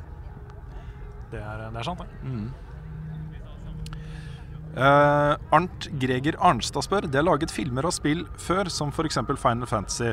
Hvor mye har denne bransjen utviklet uh, grafikk og seg selv siden da? Hva synes dere om uh, Assassin's Creed? Det vet vi ikke ennå. Eh, men spørsmålet går jo på det å lage CGI-filmer basert på spill. Er det ikke riktig tolka? Jo, kanskje. Der er jo den nye Final Fantasy Kingsglaive. Har du sett den? Den har jeg sett. Ja. Den syns jeg var nydelig. Ja, det, Jeg likte det- den. Jeg også likte den. Jeg synes den, altså, historien var kanskje ikke helt på topp. Ja, nå tenker jeg CGI-messig. Ja, Ja. ja, for det var helt nydelig. Ja. Det er noe av det flotteste jeg har sett av, eh, av CG. Så vi er jo Vi snakka om det i stad, med han eh, Mm. CG-skuespilleren i Star Man Wars. kunne lagd en hel film eh, basert på det. De Man har klarte å lure deg i en ekte film, så da har de jo kommet langt på vei. Ja, ja. Samtidig så var jo Beowulf i Ja. sin tid Den klarte jo ikke det fullt så bra. Nei. Der føltes det helt poengløst å ha bare CG-figurer. Men Hvis du Mm. tar Final Fantasy, da syns jeg det var kommet ganske langt allerede med Advent Children. var det det? Ja, Ja, Den stemmer syns jeg var pen, og til og med Spirit Within var bra laga. Mm. Det var det. Den har ikke holdt seg så bra hvis du ser den nå. Nei, jeg har ikke sett den nå, så Nei, kanskje jeg bare skal holde den meg. de, er, de er litt plastikk, de figurene. Okay. Men det, er jo, det var veldig imponerende da. Ja. Og det Warcraft var jo kjempebra. Der var jo halvparten av hovedrollene var jo CGI-figurer. Ja, de orkene var jo Ja. Jeg ble mer investert i de enn jeg ble i Ja, menneskene. vi gjorde gjorde faktisk det. Og det, blir jo, det er jo tydelig at, vi, at det er blitt bedre, for vi aksepterer mer av det. Som Jungelboken, som er en av årets store hiter, hvor alle dyra egentlig er CGI. Men du tar det som virkelighet, selv om du vet det. Mm. Og da mener jeg da har de gjort noe riktig. Ja. Du klarer å bare la det mikse. Mm. At de kan lage sånne filmer at de skal lage 'Løvenes konge' nå i filmversjon, det må jo være CGI. At de i Mm. det hele tatt tenker Det- på det, det betyr at vi har klart det. Det skjønner jeg ikke hvordan skal funke, akkurat det. Men jeg... Det blir jo egentlig bare en animasjonsfilm. Men jeg skjønner ikke hvorfor de gjør det. Den er så perfekt. mm. Filmen, 'Løvenes konge', hvis du ser på den frame for frame og scene for scene og alt, liksom, den er så utrolig perfekt. Ja, den, eh, ja, Ikke kødd med den, liksom. Ta, har, har du sett 'Løvenes konge 3'? Nei, jeg har ikke sett toeren heller. Treeren er så, den er så morsom, den. Okay. Den tar for seg det som skjer parallelt i Lønnskong 1', bare ja. fra Timon og Pumba sin synsvinkel. Ja. Se den. Det er dagens tips. Kult. Bra, bra tips for uh, noe jeg kan gjøre med ungene i jula. Jeg gjør det. Uh, vi snakka om den filmen nettopp. Vi nevnte den. Spørsmål fra Truls eh, Nordby Olsen. Uh, har dere fått sett 'Arrival'? Det er en film som han har uh, mast om uh, gjennom hele året overfor oss. Okay. Uh, film han har gleda seg veldig til. Eh, og det er jo min årets film, liksom. Det er det, Ja. ja. Jeg har snakka med Kristine om å se den flere helger på rad nå. Mm. Men så har det vært mer fristende å bare sitte i sofaen. Ja. Så vi har ikke kommet helt dit ennå. Men eh, det, det er planen å se den.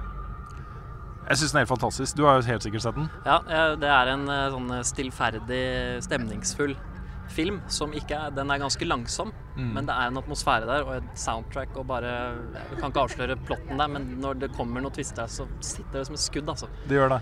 Eh, jeg syns det er eh, en litt sånn halvrealistisk tilnærming til First Contact med aliens, kanskje. Jeg ikke. Selv om de ser ut som lakrisbåter, de der eh, skipa. Jo, ikke sant, men det, glem det, da. Jeg er så glad i Contact, og det er en sånn film Ja, som mange hater. Den er bra. Jeg, jeg elsker den filmen, og jeg elsker den filmen og Arrival av den samme grunnen, og det er at hvis det noen gang kommer aliens til Nå kommer Mikkel og vil ha oss til å spille på storskjerm her, tror jeg. Har dere lyst til å spille remake Ezio Edition på storskjerm i 20 minutter mens jeg prater tull? Ehm, vi må spille inn podkast. Altså, jeg tulla når jeg sa i stad til verdens beste gamere at det var det jeg skulle ned der og game, men nå, nå skjer det jo Ja, faktisk. nå, nå, nå får vi faktisk Ja, det eh, er spørsmål. Når, når vi holder på, eller skal dere spille inn da òg? Nei, nei, ikke når dere holder på. Nei, for det er når vi holder på.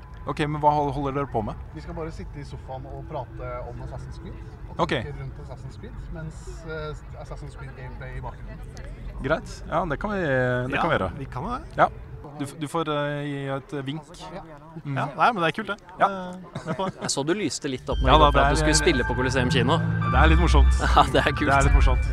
Det, dette burde du ta bakomfilm av, Karl. Det skal, det skal bakomfilmes. Ja. Uh, kanskje du skal spille? Ja. skal jeg det? Ja. Ja. Det, ja, ok. Det er lenge siden jeg har eh, spilt Assassin's Creed 2, men jeg kan jo Ja da, det Nå er jeg vant med The Last Guardian Control, så dette kommer til å bli kjempebra. Kjempebra. Hva er det største publikum dere har spilt for? For det tar ganske mange her. Det vet jeg ikke. Sånn live, Liksom? Det er i hvert fall min, Nei, mindre ja, enn live, nå tenker jeg ikke på stream, da. Nei. um, oi. Nei, det er ikke så mange. Det er Det var en ganske full Desicon-sal en gang. Ja. Men jeg husker ikke hvor mange mennesker det var. Blackout. Jeg blackout. Husker Ok, ingenting. Vi må prøve å rekke et par spørsmål Ja, til før vi begynner. Um, et spørsmål fra Lars Grotnes. Hva er deres julefilm gjennom tidene? Også tidenes beste julefilm. Oi. Jeg mener det er forskjell på tidenes beste og den som har betydd mest for meg. Ja, det er for sant. Det er sant. Og det er et veldig kleint svar, men uh, Muppetenes julefortelling det er Muppetenes versjon av Scrooge-historien. Ja, okay. Ser jeg hver jul, og den Ja, bare kult. er uh, nydelig. Ja, for meg så er det Disney sin versjon av den. Ok, Den der Disney sin julefortelling med Onkel Skrue. Ja. Den, eh, den har betydd mye for meg. Ja, for meg så er det pornoversjonen av den. Ja, Jeg trodde du skulle se Jim Carrey, men greit. ja, porno, det. ja. det er, Eh, det er Pornhubs versjon av min julefortelling. Nei, Den eh, ene tingen som eh, jeg godt opp i voksen alder så hver eneste jul, var eh, eh, Carl Bertil Jønssons julaften. Det er jo ikke en film, da, det er en kortfilm Ja. eh, fra Hasse og Tage. Legendarisk svensk. eh, The Ghost of Christmas Duke. ja. Så er det jo, jeg ser jo Die Hard med fatteren, liksom. Det ja, jeg skulle til å si dere- Die Hard, for det er min favoritt-julefilm. Ja, den er jo fantastisk. Ja. Jeg vet ikke hvorfor den passer i jula. Ja, det er jo strid mot alt jula står for, men gøy Ja, er men det. det er jo en slags julefilm. Ja, det er jo på julaften, så Det foregår jo på julaften. det er vel egentlig eneste kriteriet. Og så har vi fått et spørsmål her fra Simen Folkvår, som er eh, den beste filmen og den beste serien i 2016. Jeg har allerede sagt min favorittfilm, som er eh, Arrival. Serie må være Westworld. Ja, det må være Westworld. Ja. Uten tvil. Da sier jeg Selv om Stranger sesong- Things, jeg. Ja, vet du hva. Shit. Den også er langt oppe. Ja, Den, og eh, siste sesongen av Game of Thrones var jo fantastisk, den også. Nei, jeg tror kanskje jeg vil endre svaret til Stranger Things. Jeg også. Ja. Kanskje mye fordi også den eh, kom så ut av intet. Ja, jeg tror den overraska så veldig og traff Ja. eh, Og i og med at vi allerede snakka om at vi er Stephen King og Steven Spielberg-fans og sånn, så traff den det der segmentet. De Ja, gamle filmene til Stephen King. Det var midt i den. Jeg lurer på om dette er vårt Nå- Nå... til å eh, Vi kan prøve å rekke å ta noen flere spørsmål etterpå. Vi kan prøve på det. Det som skjer nå, er at eh, nå starter opplegget her på Colosseum. Uh, vi skal se uh, og spille Assassin's Creed. Det skal vi visst. Eh, så er vi tilbake da etter en eh, kort pause for dere som hører på, med våre eh, meninger om filmen. Yes. Og så prøver vi å få svart på noen spørsmål også etterpå. Det kan vi gjøre. Ja. Vi ses, folkens. Ha det Filmen er over. Vi står nå utafor Coliseum kino, så dette, dette segmentet av podkasten blir nok litt kortere enn planlagt, fordi det er kaldt. Ganske kaldt. Ganske kaldt. Den podkasten er avvikla på tre forskjellige steder. Ja, den er det. Det er ikke første gang skal jeg si det, Benjamin. Å, nei. Dette er eventyret med level backup. Ja, veldig hyggelig. Da får du oppleve hele, hele level backup-opplevelsen. all glamouren. Og det vi driver med nå, det er jo bare å hale ut tiden litt for, for, å, snakke om, for å slippe å snakke om eh, det. Slipp oss Det er såpass. Ja, nei, jeg vet ikke. Jeg, uh, jeg syns den var rett og slett bare veldig kjedelig. Ja, vet du hva. Jeg, jeg veit ikke om det var pga. filmen eller fordi jeg har veldig dårlig døgnrytme pga. boring hjemme i leiligheten om dagen. Men jeg holdt på å sovne hele den siste timen. Ja, jeg ble veldig trøtt på slutten. Jeg satt og gjespa. Jeg tror det smitta litt over. Ja, kanskje. For, men jeg har aldri liksom vært så nære å sovne på kino. Jeg har aldri sovna på kino, Nei. men jeg har aldri vært så nære som jeg var nå. Det som, jeg vet ikke. Det som ehm, den, er, den er ikke dritdårlig, liksom. Det syns jeg ikke. Nei, den er akkurat som forventa for meg. Ja, OK. Den var nøyaktig det jeg trodde den kom til å være. Ja. Litt sånn eh, basert på spilla. En ganske lik historie, kanskje, bare veldig simplifisert. Altså, det er jo en gjenfortelling av historien i eh, Assassin's Creed 1, basically. Ja, litt én til 3. Ja, litt tre også, kanskje. Fordi det, det har en slags konklusjon, Ja. som det Ja, jeg skal ikke, skal ikke gå for mye inn på plott. Nei. I, mo I motsetning til det så hadde jeg jo lest da, noen anmeldelser internasjonalt. Eh, Nettopp. og den fikk altså så total slakt. Ja. Det var folk som ville se timevis med folk som spilte dårlig TV-spill, enn å se den filmen her. Og derfor Wow. så overraska den litt for meg, da. For det, der lå lista mi. Okay. Og da kunne det på en måte bare, bare gå opp. eh, Så det var ikke så verst. Men det ble halt ut, da. Det ble det. Ja, for mye også Jeg har litt problemer med disse filmene som fremstår som mer musikkvideoer, på en måte, enn mm. en, en filmer. Ja, det er Altså, poeng. det er veldig, veldig mye fokus på sånn stiliserte bevegelser og slow motion og røyk og lyseffekter og, sånne ting. Og ikke, ikke så mye fokus på story, kanskje. Jeg vet ikke. Eller eh, Nei, Det er et sånn klassisk eksempel på style over substance. Ja. følte jeg. At de skulle være mest mulig stilige og kule og fancy med regi og, og sånne ting. Men de har ikke noe bra på bånd, da.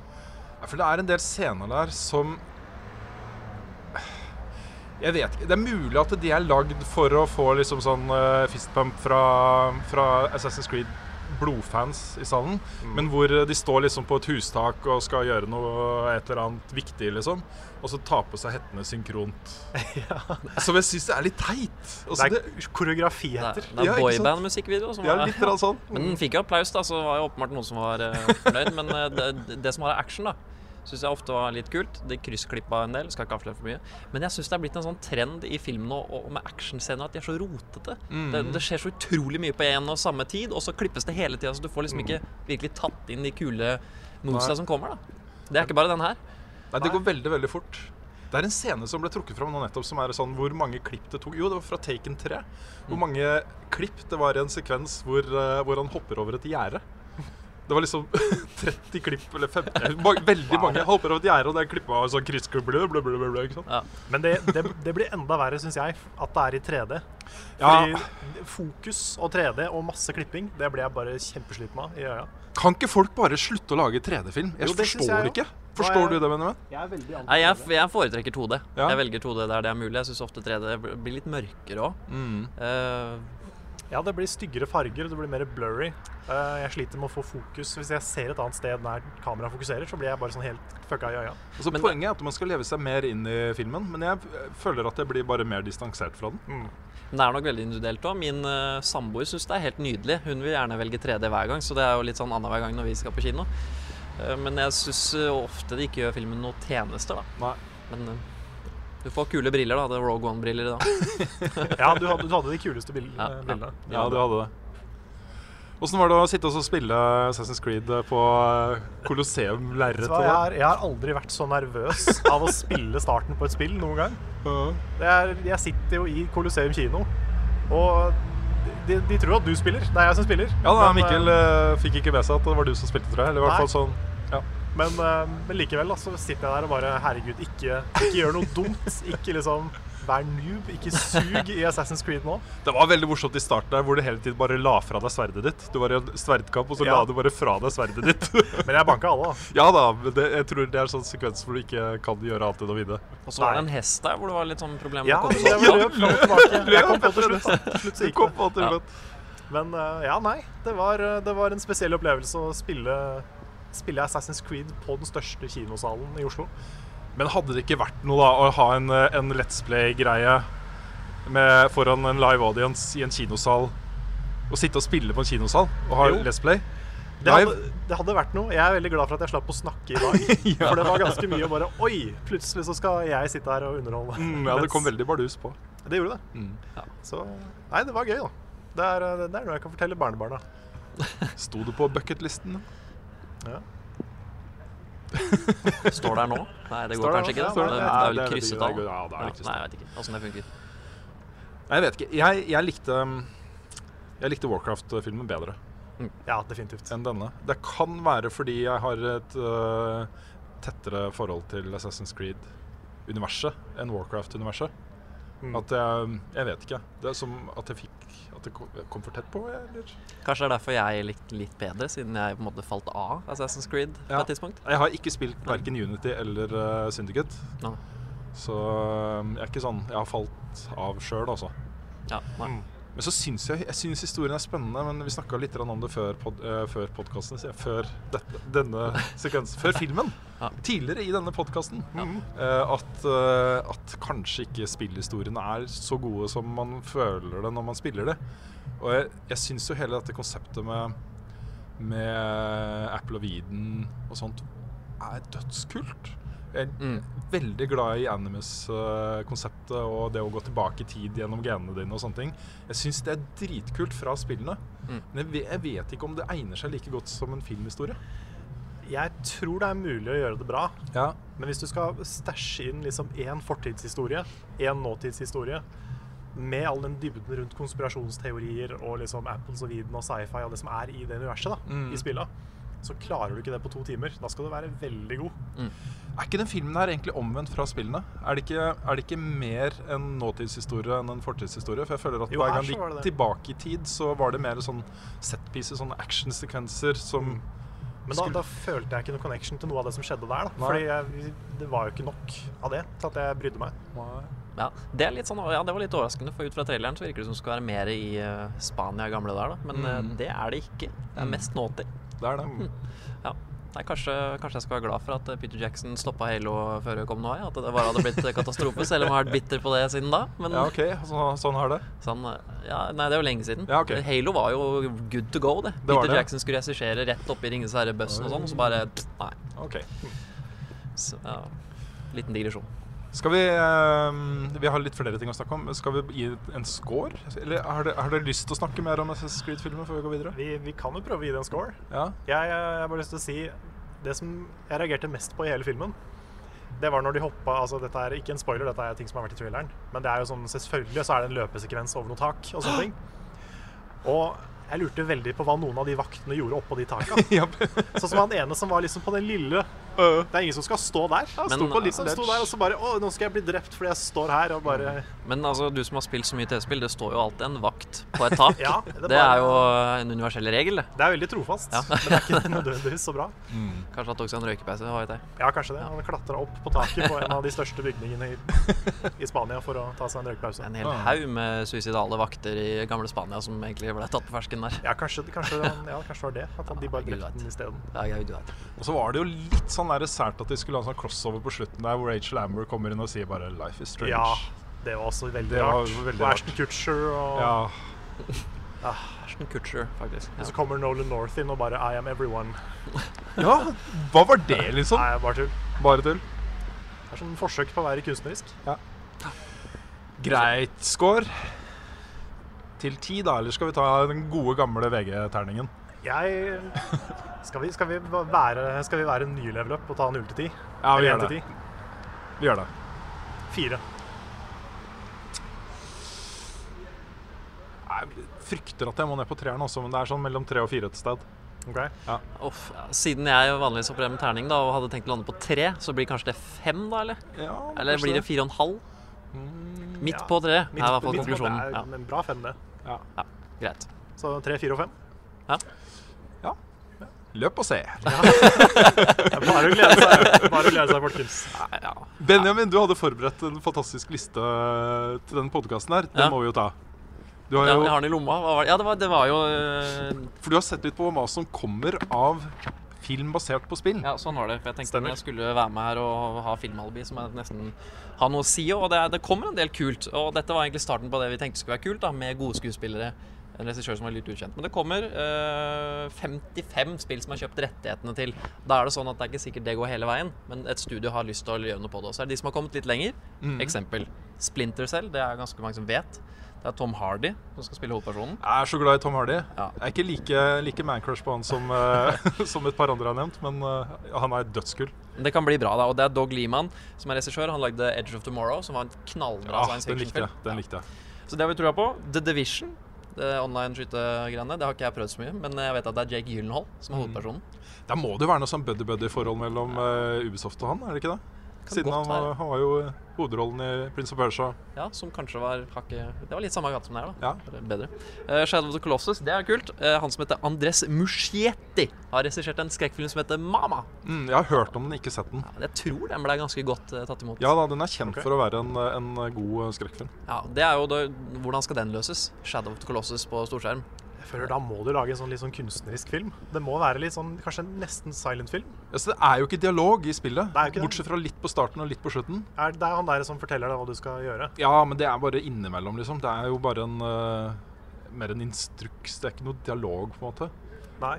Jeg føler det må løses litt Det er sånn som en Zelda-film må løses. Mm, ja. Er det tilbake til den gode gamle svartfilmen hvor det kommer sånn tekstplakat midt i, og så står det Ja, og det, er nesten, det, Ja, er nesten, det kan godt være farger, tenker jeg. Men Ja, okay. det kan være litt sånn, kanskje litt sånn myke farger. Ja. Ikke noe dialog, masse musikk. Og bare Mm. store fights og litt sånn der eh, rar stemning. Vet du hva de kommer til å gjøre? De kommer til å introdusere en, eh, en eh, rollefigur til. Ja. Sånn at ikke Wanderer er alene der inne. De kommer til å få hesten til å prate. ja. Og så er det sikkert en halvtime sekvens hvor han prøver å klatre opp en koloss, men han klarer ikke, for han har ikke nok stamina, så man flyr rundt og leter etter Ja. salamandere og, Og spise de. spise de. Mm. Kommer til å bli en bra film. det her. Ja, kjempebra. Jeg tror trua. Jeg har ikke troa i det hele tatt! okay. Vi lar, vi lar det ligge. Men uh, vi, vi trenger ikke gå over alle som har vært med. Men Portal og Half-Life blir jo film etter hvert. Minecraft blir film. Mortal Kombat får enda en film. En regissør som står oppført med null i noe som helst på IMDb. Jeg gleder meg så veldig til å se det. Jeg har kjøpt popkorn allerede. ja, uh, Rampage, husker dere det? Ja Fra da. 90-tallet. Ja. Dwayne Johnson The Rock skal altså spille i Rampage. Det er veldig sånn eh, Det er hit or miss. For, den, for han spiller Han er kul. Jeg digger, eh, digger Han er morsom, han. Han er kjempemorsom, men han har liksom halvparten av filmen hans er bra, liksom. Og Men- halvparten er Ja, men hvem skal han spille? Er det ikke, altså Rampage husker jeg det var gorillaer og dinosaurer og sånn, så hva, er det, da må det være en stemme, da? Eller? Det høres litt ut som sånn Spy Kids-franchise-idé.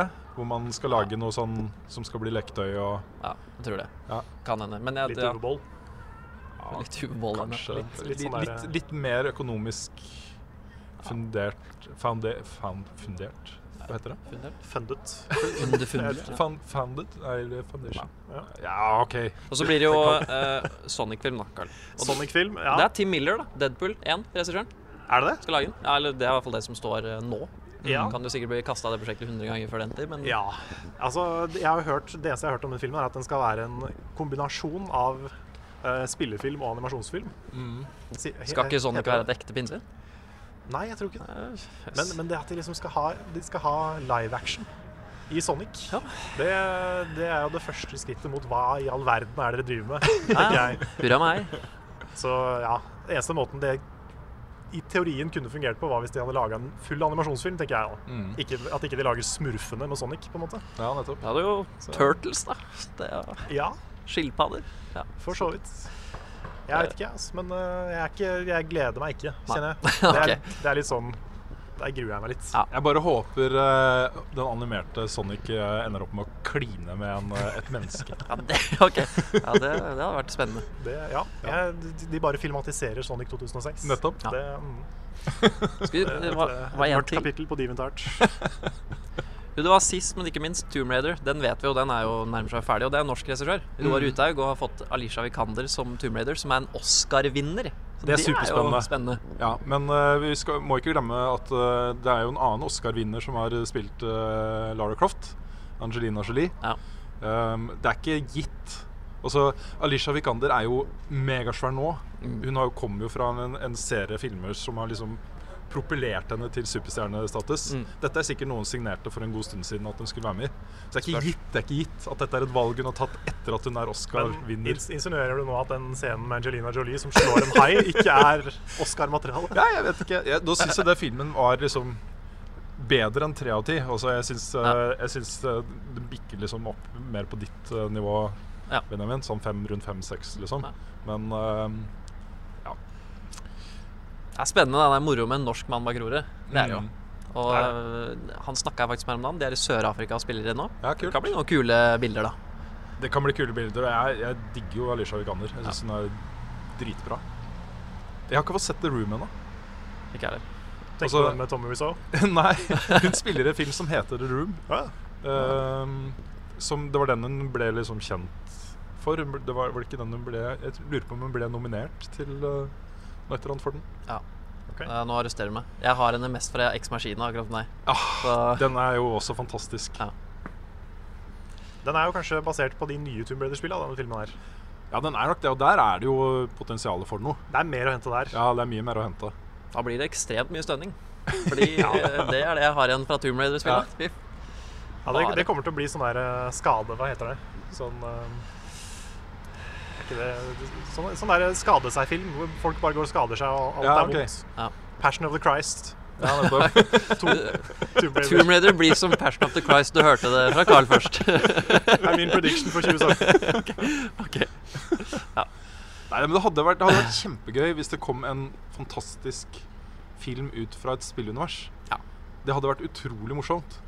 Eh, Det som må til, tror jeg, er at det, må sitte folk som er ansvarlige for den filmen, som er genuint interessert i å lage noe bra. Ja. Og så Ja. Nei, men det får Team Skandinavia til. Sverige og Norge. ja, det hadde vært kjempekult. For spill, spillfilm Nei, Jeg klarer aldri å bli det. Inn på kartet. Spill-spillefilm. Ja, ok. Mm. Ja. Ja, vi kan, vi kan håpe. Ja. Det begynner å bli ganske kaldt, men skal Ja. vi avslutte med noen siste spørsmål fra Vi fikk ganske mye bra spørsmål denne uka ja, vi gjorde det. Har vi litt begrensa med tid, men vi kan jo ta noen, noen få til. Det kan vi gjøre. Eh, noen andre må begynne, for jeg må lete opp eh, Ja, jeg kan ta et veldig kjapt et fra Øyvind Johan Langnes Brynildsen. Det er til meg. Han sier Carl er blitt ordentlig gira på å teste Kingdom Hearts og lurer, som, lurer på nå som 2,8 kommer i januar. Bør jeg vente med å spille det til 1,5 og 2,5-pakka kommer på PS4? Og jeg skulle ønske jeg kunne si nei. Men eh, 2,8 spoiler dritten ut av alle spilla i hele Kingdom Hearts-serien, så det er lurt å vente. Det er lurt å spille i rekkefølge. Men da spør jeg Spiller det en rolle? Fordi jeg har nå gjort en innsats med å lese meg opp på Kingdom Hearts-historien til Oi. treeren. Ja, det, Og jeg skjønner Jeg har gått ned på altså Kingdom Hearts for dummies-nivå med illustrasjoner og nesten sånn pop-up-bilder som i bøker. Jeg skjønner fortsatt ingenting. Det er Nei. så mange reinkarnasjoner der at det er helt du, kan ute. ikke, du kan ikke lese en recap på Kingdom Hearts. Ah, okay. Du må oppleve det for å ha sjans. Og til og med da så er det Ja, vanskelig. men jeg har, jo, jeg har jo opplevd det. Jeg har til og med spilt det spillet. Ah, Men jeg er alle? ikke med. Jeg skjønner ikke. Nei, jeg skjønner det godt. Jeg har spilt det flere ganger. så Du skjønner det godt? Etter hvert så begynner det å Jeg skjønner ikke godt. Det er ingen som skjønner det godt. Men, eh, men det, er liksom, det er noe spennende der, men det er samtidig veldig innvikla. Ja, jeg digger det jo. Jeg bare skjønner ikke. Nei. Du må liksom spille hver eneste spin-off og hver Ja. eneste greie for å henge med. mm. Ja. De har introdusert time travel i tillegg, så det blir jo ikke, liksom, det blir, blir ikke bedre. Mm. Det var det det mangla. Bare det som mangla. Ja. Jeg har et veldig bra spørsmål fra vår gode venn Espen Hovlandsdal her. Eh, han spør kanskje ikke helt deres gate, men i store åpne RPG-er som Fallout, The Witcher, Skyrim og, og lignende har man ofte en vanvittig stor mengde med sidequests. Personlig elsker jeg disse, men det er ingen tvil om at det tar deg bort ifra hovedhistorien. Og om det blir mange av dem på rad, merker jeg fort at jeg glemmer mye av detaljene i storyen og mister interesse. Det er jo litt dumt, for storyen er jo i enkelte tilfeller ganske bra. Har dere noen tanker om dette? Eh, er det vi som spillere som må spille det riktig? i anførselstegn? Er det noen designgrep utviklerne bør ta? Eller er dette et mindre problem enn jeg gjør det til? God jul, og takk som alltid for en hyggelig og morsom podkast. Takk for det. Takk for det. Det er et bra spørsmål, syns jeg. Ja, Som du sikkert ble kjempeglad for å få nå ut i kulda Ja, Det var jo ikke omfattende. Nei. Nettopp. Ja, nei um... Jeg tenkte å ta det opp fordi du har, du har jo akkurat spilt et spill med utrolig mange sidequests, Final Fantasy 15, Jeg er det. og du snakka litt om det. Jeg er sånn generelt uh, Det har jeg også tenkt på veldig mye i forhold til Assassin's Creed. Jeg er generelt mye mer glad i en lang historiedel enn en kort historiedel med masse sideoppdrag. Mm. For det er noe med at det du gjør Hvis du gjør det som en del av historien, så føles det mer viktig. Og når det kommer til den der enorme mengden med sidequests, som ofte er i også Skyrim og liksom Skyrim er for så vidt et spill som er bygd på det, så det er mer greit der, for min del. Men, uh, når du bare propper et spill fullt av sideting, der kanskje halvparten av det er gøy, så syns ikke jeg det er liksom Det er ikke bestebruken av uh, spilletid, Nei. sånn sett. Jeg syns heller liksom legger mer inn i hovedopplevelsen. Enn å lage masse valgfrie ting. Men det er meg. da. Det er noen som liker den åpenheten. Mm. Det, utfordringen da er jo at ikke du eh, får så mye dødkjøtt. Hvis, det, hvis det på en måte blir, du blir tvunget til å gjøre det som kunne vært Sidequest, Mm. så eh, er, blir det kanskje ikke nok fremdrift, eller eh, Nei, det handler om å gjøre det bra nok. da. Ja. Gjøre det spennende nok. Jeg har blitt, jeg har blitt litt utålmodig med åra. En utålmodig game med åra. Jeg orker ikke alle sidequesta lenger. Jeg vil bare gjennom historien og opp et nytt spill. Og så er jeg litt sånn ordensmenneske når det kommer til kart. Det er en veldig liten bagatell, men jeg takler ikke kart som har 100 små prikker med sidequest som jeg må ordne opp i, som jeg må løse opp i. Det er som å liksom rydde et rom for støv. ja. Jeg, jeg takler ikke å se på det. Så jeg må bare dedikere meg til en linje å gå. Det begynner å plage meg òg. Spesielt i Assassin's Creed spesifikt. For der er det så mye sånne ikoner. Jeg, tror, jeg føler at Assassin's Creed kurerte meg litt for det. Fordi jeg var besatt av å, av å tømme kartene for ikoner. Og så ga det opp. Nei, jeg har 100 av i hvert fall, eh, i hvert fall de to første spillene. Og så sånn litt ut i Etzio-trilogien så eh, ga jeg litt opp, da. Mm. Um, men uh, Nei, det jeg, jeg er jo egentlig glad i å gjøre Sidequest. Og ofte så, så er det en ting som jeg vender tilbake til. Og pusle med liksom når jeg føler meg ferdig med spillet. Men jeg er som Espen eh, litt Jeg sliter litt eh, med å connecte med historien Mm. hvis fokuset mitt blir for mye på Sidequest. Så jeg velger ofte å ignorere dem nå, da. Mm. Eh, sånn etter Assassin's Creed, Mm. liksom. eh, velger jeg å prioritere story med oftere når jeg spiller eh, store sandbox-spill. Mm. Mm. Jeg vil samtidig si da at uh, det er noen sidequests jeg er veldig glad i. Sånn som i Final Fantasy 9 så er det noe som heter Chocobo Hot and Cold. Mm. Som er sånn der Du skal grave etter sånne små skatter med chocoboen din. Det er kjempegøy, Synes Ja, jeg. det er faktisk ganske gøy. Det er alltid, alltid digga det. Ja. Uh, sånn som, og sammen med å for eksempel uh, synthe det beste våpen i Kingdom Hearts, syns jeg er gøy. Samle materialene til det, og så til slutt få den der belønninga, som er awesome. Sånne ting liker jeg å gjøre. da. Så det handler jo veldig om hvor bra greiene er. Hvor mye du får ut av å gjøre de. Hvor mye det kan hjelpe deg i storyen. Bare ikke det blir sånn 40 000 fetch quests som er helt like og gir deg noe dritt, på en måte. Mm. For jeg har blitt så utålmodig at jeg nærmest ikke utforsker heller. Og når et spill klarer å få meg til å gjøre det, da er, liksom, da er det en vinner. Og det gjorde Det er et kortspill, da, men Firewatch Jeg gikk rundt på hver eneste brøkdel av det spillet, for det var så nydelig. Så liksom, det er jo tydelig at jeg har det i meg, da. Hvis det Mm. bare klarer å fange meg. Men det har det ikke gjort så ofte i det siste, altså. Beklager. Nei, det kan hende det har noe med at det er eh, Jeg merker mange snakker om at de har litt sånn open world fatigue. Mm. Jeg begynner å føle det litt sjøl. At det er så mange spill som er så store, og som på Ja. det livet skal være så svære og åpne. Du blir jo litt sliten av det etter hvert. For meg så handler eh, Sidequest kanskje vel så mye om eh, the grind. Altså Ja. det, det å på en måte gjøre noe repetitivt som føles eh, Som gir deg en viss progresjon i spillet, kanskje. Mm. Ehm, fordi det, altså, du har lyst til å spille spillet. Så lenge, kanskje så lenge som du liker spillet, så blir du sittende der og gjøre bare ting, på en måte. Mm. Jeg brukte jo sikkert 30 timer på å eh, samle penger i No Man's Sky. og så samle ting, og så selge det. Og så gikk tilbake og så samle ting, så selge det. Mm. Men, men det henger jo sammen med om det universet de Sidequest er i, er spennende å være i. Ja. For det fins noen spill, Red Dead Redemption, så tok jeg hver eneste blomst og tok hver eneste ulv, liksom. Fordi det var Mm. gøy å være i det universet. Det henger jo, alt henger jo sammen. Der, der, det er et godt eksempel, for der syns jeg de var flinke til å uh, gjøre jakten på disse dyrene og disse planteartene og sånt spennende. Og så Ja. gjemme de på steder som du måtte lete litt etter. Ja. Og det syns jeg var gøy, altså. Jeg har også snakka om, eh, om det foto-sidequest i, i Beyond Good and Evil Mm. før. Hvor du skal fly rundt og ta bilder av jeg tror det er 30 forskjellige dyrearter. Mm. Som er ikke sant? Og hver eneste av de er flinke til å gjemme seg, og du må liksom være Ja. kjapt ute og ta det bildet akkurat idet de stikker hodet fram fra et eller annet. og sånt. Mm. Det var det, det jeg husker best fra det spillet. altså. Da er det så gjennomført. Ja. Når, det er sånn, når det er et eget lite spill nesten i, i sidequesten. Mm. Og så må jo beløn... Ja, sorry. Ja, nei, det, Så må jo belønningen være verdt strevet, og det er det ofte ikke da i Final Fantasy. Det er kanskje fire gill, eller hva det er det vi får nå. Ja. At det liksom Alt det for så lite. det er en del av de questene som jeg det er kanskje, kanskje jeg gjorde det litt for seint. Fordi den XP-en jeg fikk, var bare altfor lite til å liksom Ja. bety noe. Da. Ja. Så da blir det kjedelig når ikke jeg Mm. får noe tilbake for det. Men uh, generelt så er eh, Final Fantasy 15 ganske OK på Sidequest, syns jeg. Mm. Det er mye som er veldig bra. Og så er det en del dritt de kunne kutta ut. Ja. Jeg har ikke tenkt å ta flere spørsmål. Eh, Jeg vet dere har, eh, Du har i hvert fall en eh, på lur. Eller skal jeg finne det fram? Uh, ja, nei, det var, jeg husker ikke hvem som spurte. jeg, jeg kan finne det Kan fram. jo- Men jeg, jeg bare tar en kjapt shout-out til Steffen Saulnier på Patreon som har ikke stilt noen spørsmål, men kommet med en lang og hyggelig melding. Så bare okay. takk for den. Mens du leter, kan jeg sende en julehilsen? Er det lov? Det er lov i podkasten Ja, da vil jeg gjerne sende en julehilsen til min gode kollega Ted Sanne, som er uh, ivrig Level Up-fan og Patrion-giver. Hei, Du er en fin mann. Ha en god jul. det høres ut som en fin mann. Ja, det Ja, høres ut som en, eh, mann. den beste mannen. Den beste mannen. Den beste generelt.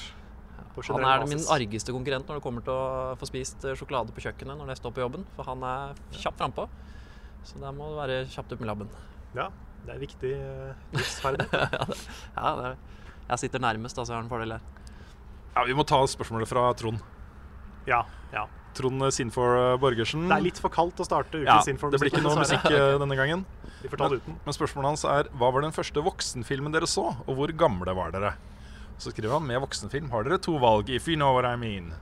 Skal vi svare på begge? Er det Nei, jeg tror man kan velge. Oh, ja, OK. Mm. Ja. Kan- Kanskje, jeg tror kanskje jeg definerer det fra det øyeblikket jeg bestemmer meg for at nå skal jeg slutte å se tegnefilm, men se liksom ekte film. Mm. Kan det, men jeg husker ikke hva den heter. Det var en 90-tallsfilm med en fyr som står med en rockering foran. Så utrolig morsomt. Tenkte nå, det blir min inngang. Så var det en sånn økonomisk thriller fra en annen verden, for jeg ikke skjønte noen ting av. Så jeg gikk tilbake til tegnefilm i et par år da. Men det var min første voksenfilm i den gata. Toeren, den ja. Carl! ja. Jeg tror det var Rush Hour som var min første liksom, eh, film med action Mm. og dreping og sånn. Jeg husker det var sånn der Shit, noen døde. Mm. Han hadde sikkert familie, liksom. Ja. Hva, hva het han? Reflektert du var. Ja, jeg, ble, jeg, jeg, jeg hang meg veldig opp i at folk døde. Jeg synes det var litt vanskelig i starten. Ja. Men eh, og for å svare på andre delen av spørsmålet, så er det da fetteren min fikk Kanal Pluss. Ja, Ja, kan det passe. var Um, Emanuel. Emanuel. Emanuel. Ja. Det er helt Dere, Utdyp. dere vet Ja. ikke hva det er engang? Nei. Dere får Det er google det, da. Er dette noe man burde Det er google? en lang erotisk serie. Å ja. Mm. Serie. En serie Hva svarte du nå på din første voksen... Voksen, voksenfilm. Emanuel. Jeg ser, Emanuel. der, Nå ser jeg for meg deg som liksom sånn eh, nysgjerrig tolvåring som bare hm, Emanuel, det hørtes um, Ja, jeg, jeg var jo rundt der. 12-13. Hadde du spørsmål til deg selv på den tiden? Eller? Ja, det var, eh, Hvordan fant du Emanuel? det var nok uh, min far, tror jeg, som hadde glemt å legge den bort, eller noe Å Oh, ja. Wow. Nei, det har jeg aldri opplevd. Jeg er veldig utleverende, er veldig utleverende Nei, nei, det, nei.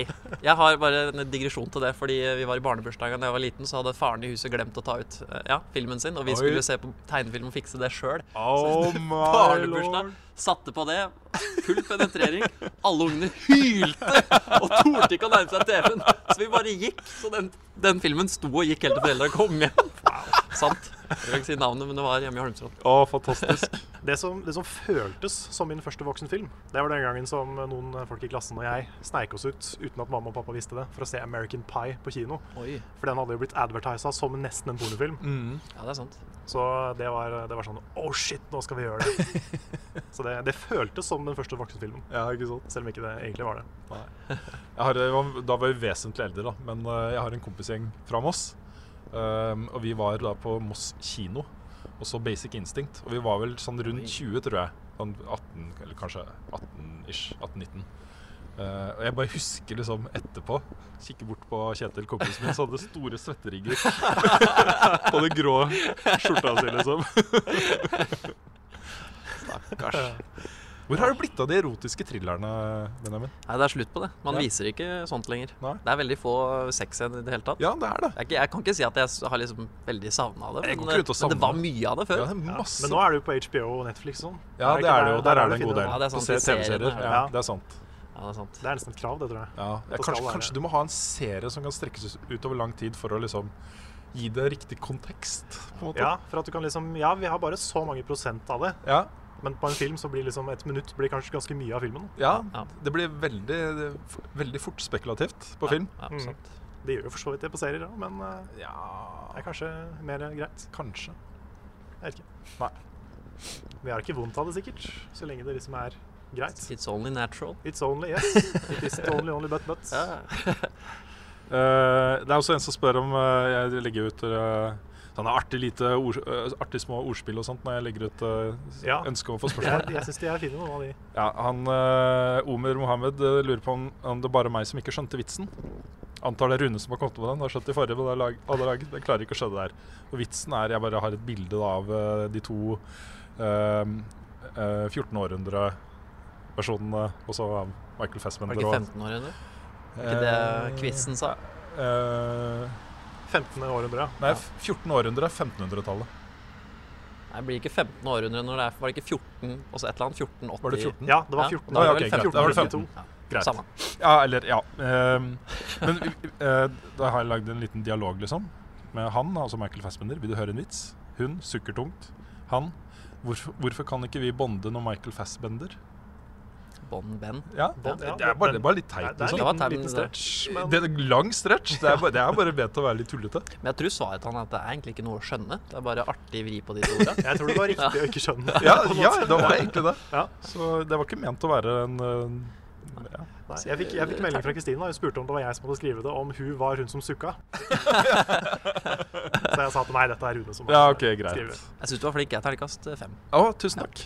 Bedre enn Assassin's Creed. uh, greit, du har mast og mast nå i hele kveld om å, at vi skal ta dette spørsmålet her, Benjamin, så jeg håper du er klar. Ja, bare intro til det. Grunnen var at for dette visste jeg svaret på uten å sjekke. Ah, Det, det er det som er så sært. Ja. Greit, da vet vi hvem vi skal ringe hvis eh, Frida ikke tar telefonen. Mm. Mm. Uh, skal vi se, spørsmålet er rett og slett fra Joakim Fagerland. Har blåhvalen brystvorter? I så fall hvor mange? Og før du svarer, så foreslår jeg at vi gjetter. Hvor mange brystvorter en blåhval har? Ja, har den, og hvor mange Ja, eventuelt. ok. Hvis svaret er nei, så er det liksom Altså, har fisk Altså, det er jo ikke en fisk heller. Det er jo et pattedyr, er det ikke det? ja, og hva ligger det i ordet Ja, pattedyr? det betyr Det er patter, som også er et ord for pupper, som også er et ord for brystvorter, da, Ja. kan du kanskje si. Mm. Så da har den jo sikkert det. Mm. Ellers hadde det vel ikke vært et pattedyr. Jeg vet ikke, jeg. Så jeg vil tippe det er kanskje, kanskje seks. Jeg tipper én. Én. Mm. Ja, En det- sånn liten klump. ja.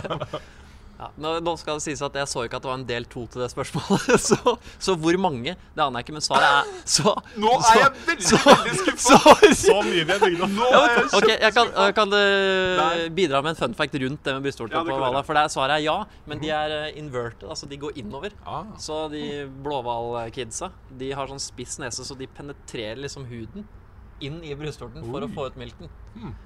Men uh, jeg, er, det, hvor mange Nei, nå skuffa jeg fælt. Jeg var vasa så om det. Ja! Det er fordi jeg har en samboer som har plant, eh, nei, hva heter det, Animal Plant på hele tida, så dette okay. har jeg bare visst. Apropos det, jeg må få sett Earth eh, 2. Veldig bra. Han simmer i åpningsmelodien. Ja, kult. Ja. Jeg har bare sett det ene Visst, klippet som uh, har gått eh, viralt. Med den øgla som eh, flykter fra disse slangene. Er ikke det nydelig? Det er noe av det kuleste jeg har sett på film noen gang. Ja. Det er så fett. Ja, det var helt Mye fantastisk. bedre enn Assassin's Creed. Ja. Mye bedre. Bare den lille snutten er liksom Nei, Hadde betalt. Vi får en filmkveld på det isteden. Ja, den er mye bedre enn mye, altså. Ja, det tror den er virkelig en helt i vår tid. Mm. Tenk den kameratimen når de har stått der og venta, så fikk vi det der. Fikk vi det som skjedde. Den escaper liksom 100 slanger, og den, har, den er tatt i jerngrepet et par ganger der òg. Ja. Klatrer i fjellet. Nei, den er helt Den er Spiderman i øgleform. Det er helt utrolig. Jeg Ja. tror Hvis jeg hadde vært med på filmen der, så tror jeg jeg hadde lagt opp. Ja. Jeg tror jeg hadde bare skifta felt. Jeg tror aldri Som naturfotograf det kommer aldri til å klare å overgå det. Kjipt å være han da som bare må Hei, jeg glemte å trykke på rec her. Ops! Skal det lyse rødt? Men tror dere at noen har gått og liksom plassert den øglen der? Her er det mange slanger. Vi vil bare se hva som skjer. Jeg håper ikke det, for det er litt slemt. Det er veldig slemt. Det er ganske, ganske slemt. Det gikk bra til slutt, da. Ja, men jeg hadde ikke noen garanti for det. Men jeg tenker at det ikke er en umulig tanke òg. Ja. Noen ganger når du ser de utrolige tingene der, at Men det har jo sikkert holdt på et år, da. Jeg vet ikke. La oss leve i illusjonen. Ja, vi får nesten Ja. gjøre det. Ja. Greit. Tenk på å runde av. Vi får tenke på å runde av. Ja. Nå, nå er det kjølig. Klokka er vel snart midnatt. Hvis ikke over midnatt. Mm. Dette hadde jo egentlig vært et naturlig tidspunkt for oss, Carl, å liksom reflektere litt over året som har gått. Fordi på dette, akkurat dette tidspunktet i fjor så runda vi av liksom 2015 med liksom Ja, da var det over, da. Det var hardt gøy. Ni sesonger med level up. Ja, Var veldig, var veldig følelseslada, liksom. det var det. Jeg tror den dagen den podkasten kommer ut, så er vel, det er vel den samme dagen som siste episode av Level Up kom ut. Det tror jeg du har helt rett i. Lille julaften. Ja. Så øh, ja, det har vært et ganske innholdsrikt og spennende år. Ja. Men et, vi, vi har jo et eh, ettårsjubileum i februar.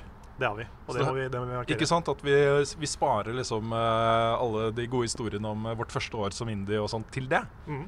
Og så kjører vi bare gjennom jula som vanlig og Vi må kjøre en sånn superstream. Jeg lyst til å gjøre. Ja. Samle alle sammen og bare streame til langt på natt. Jeg har så lyst til å ha et, et, et, sånn level up Sånn Patrion-fest.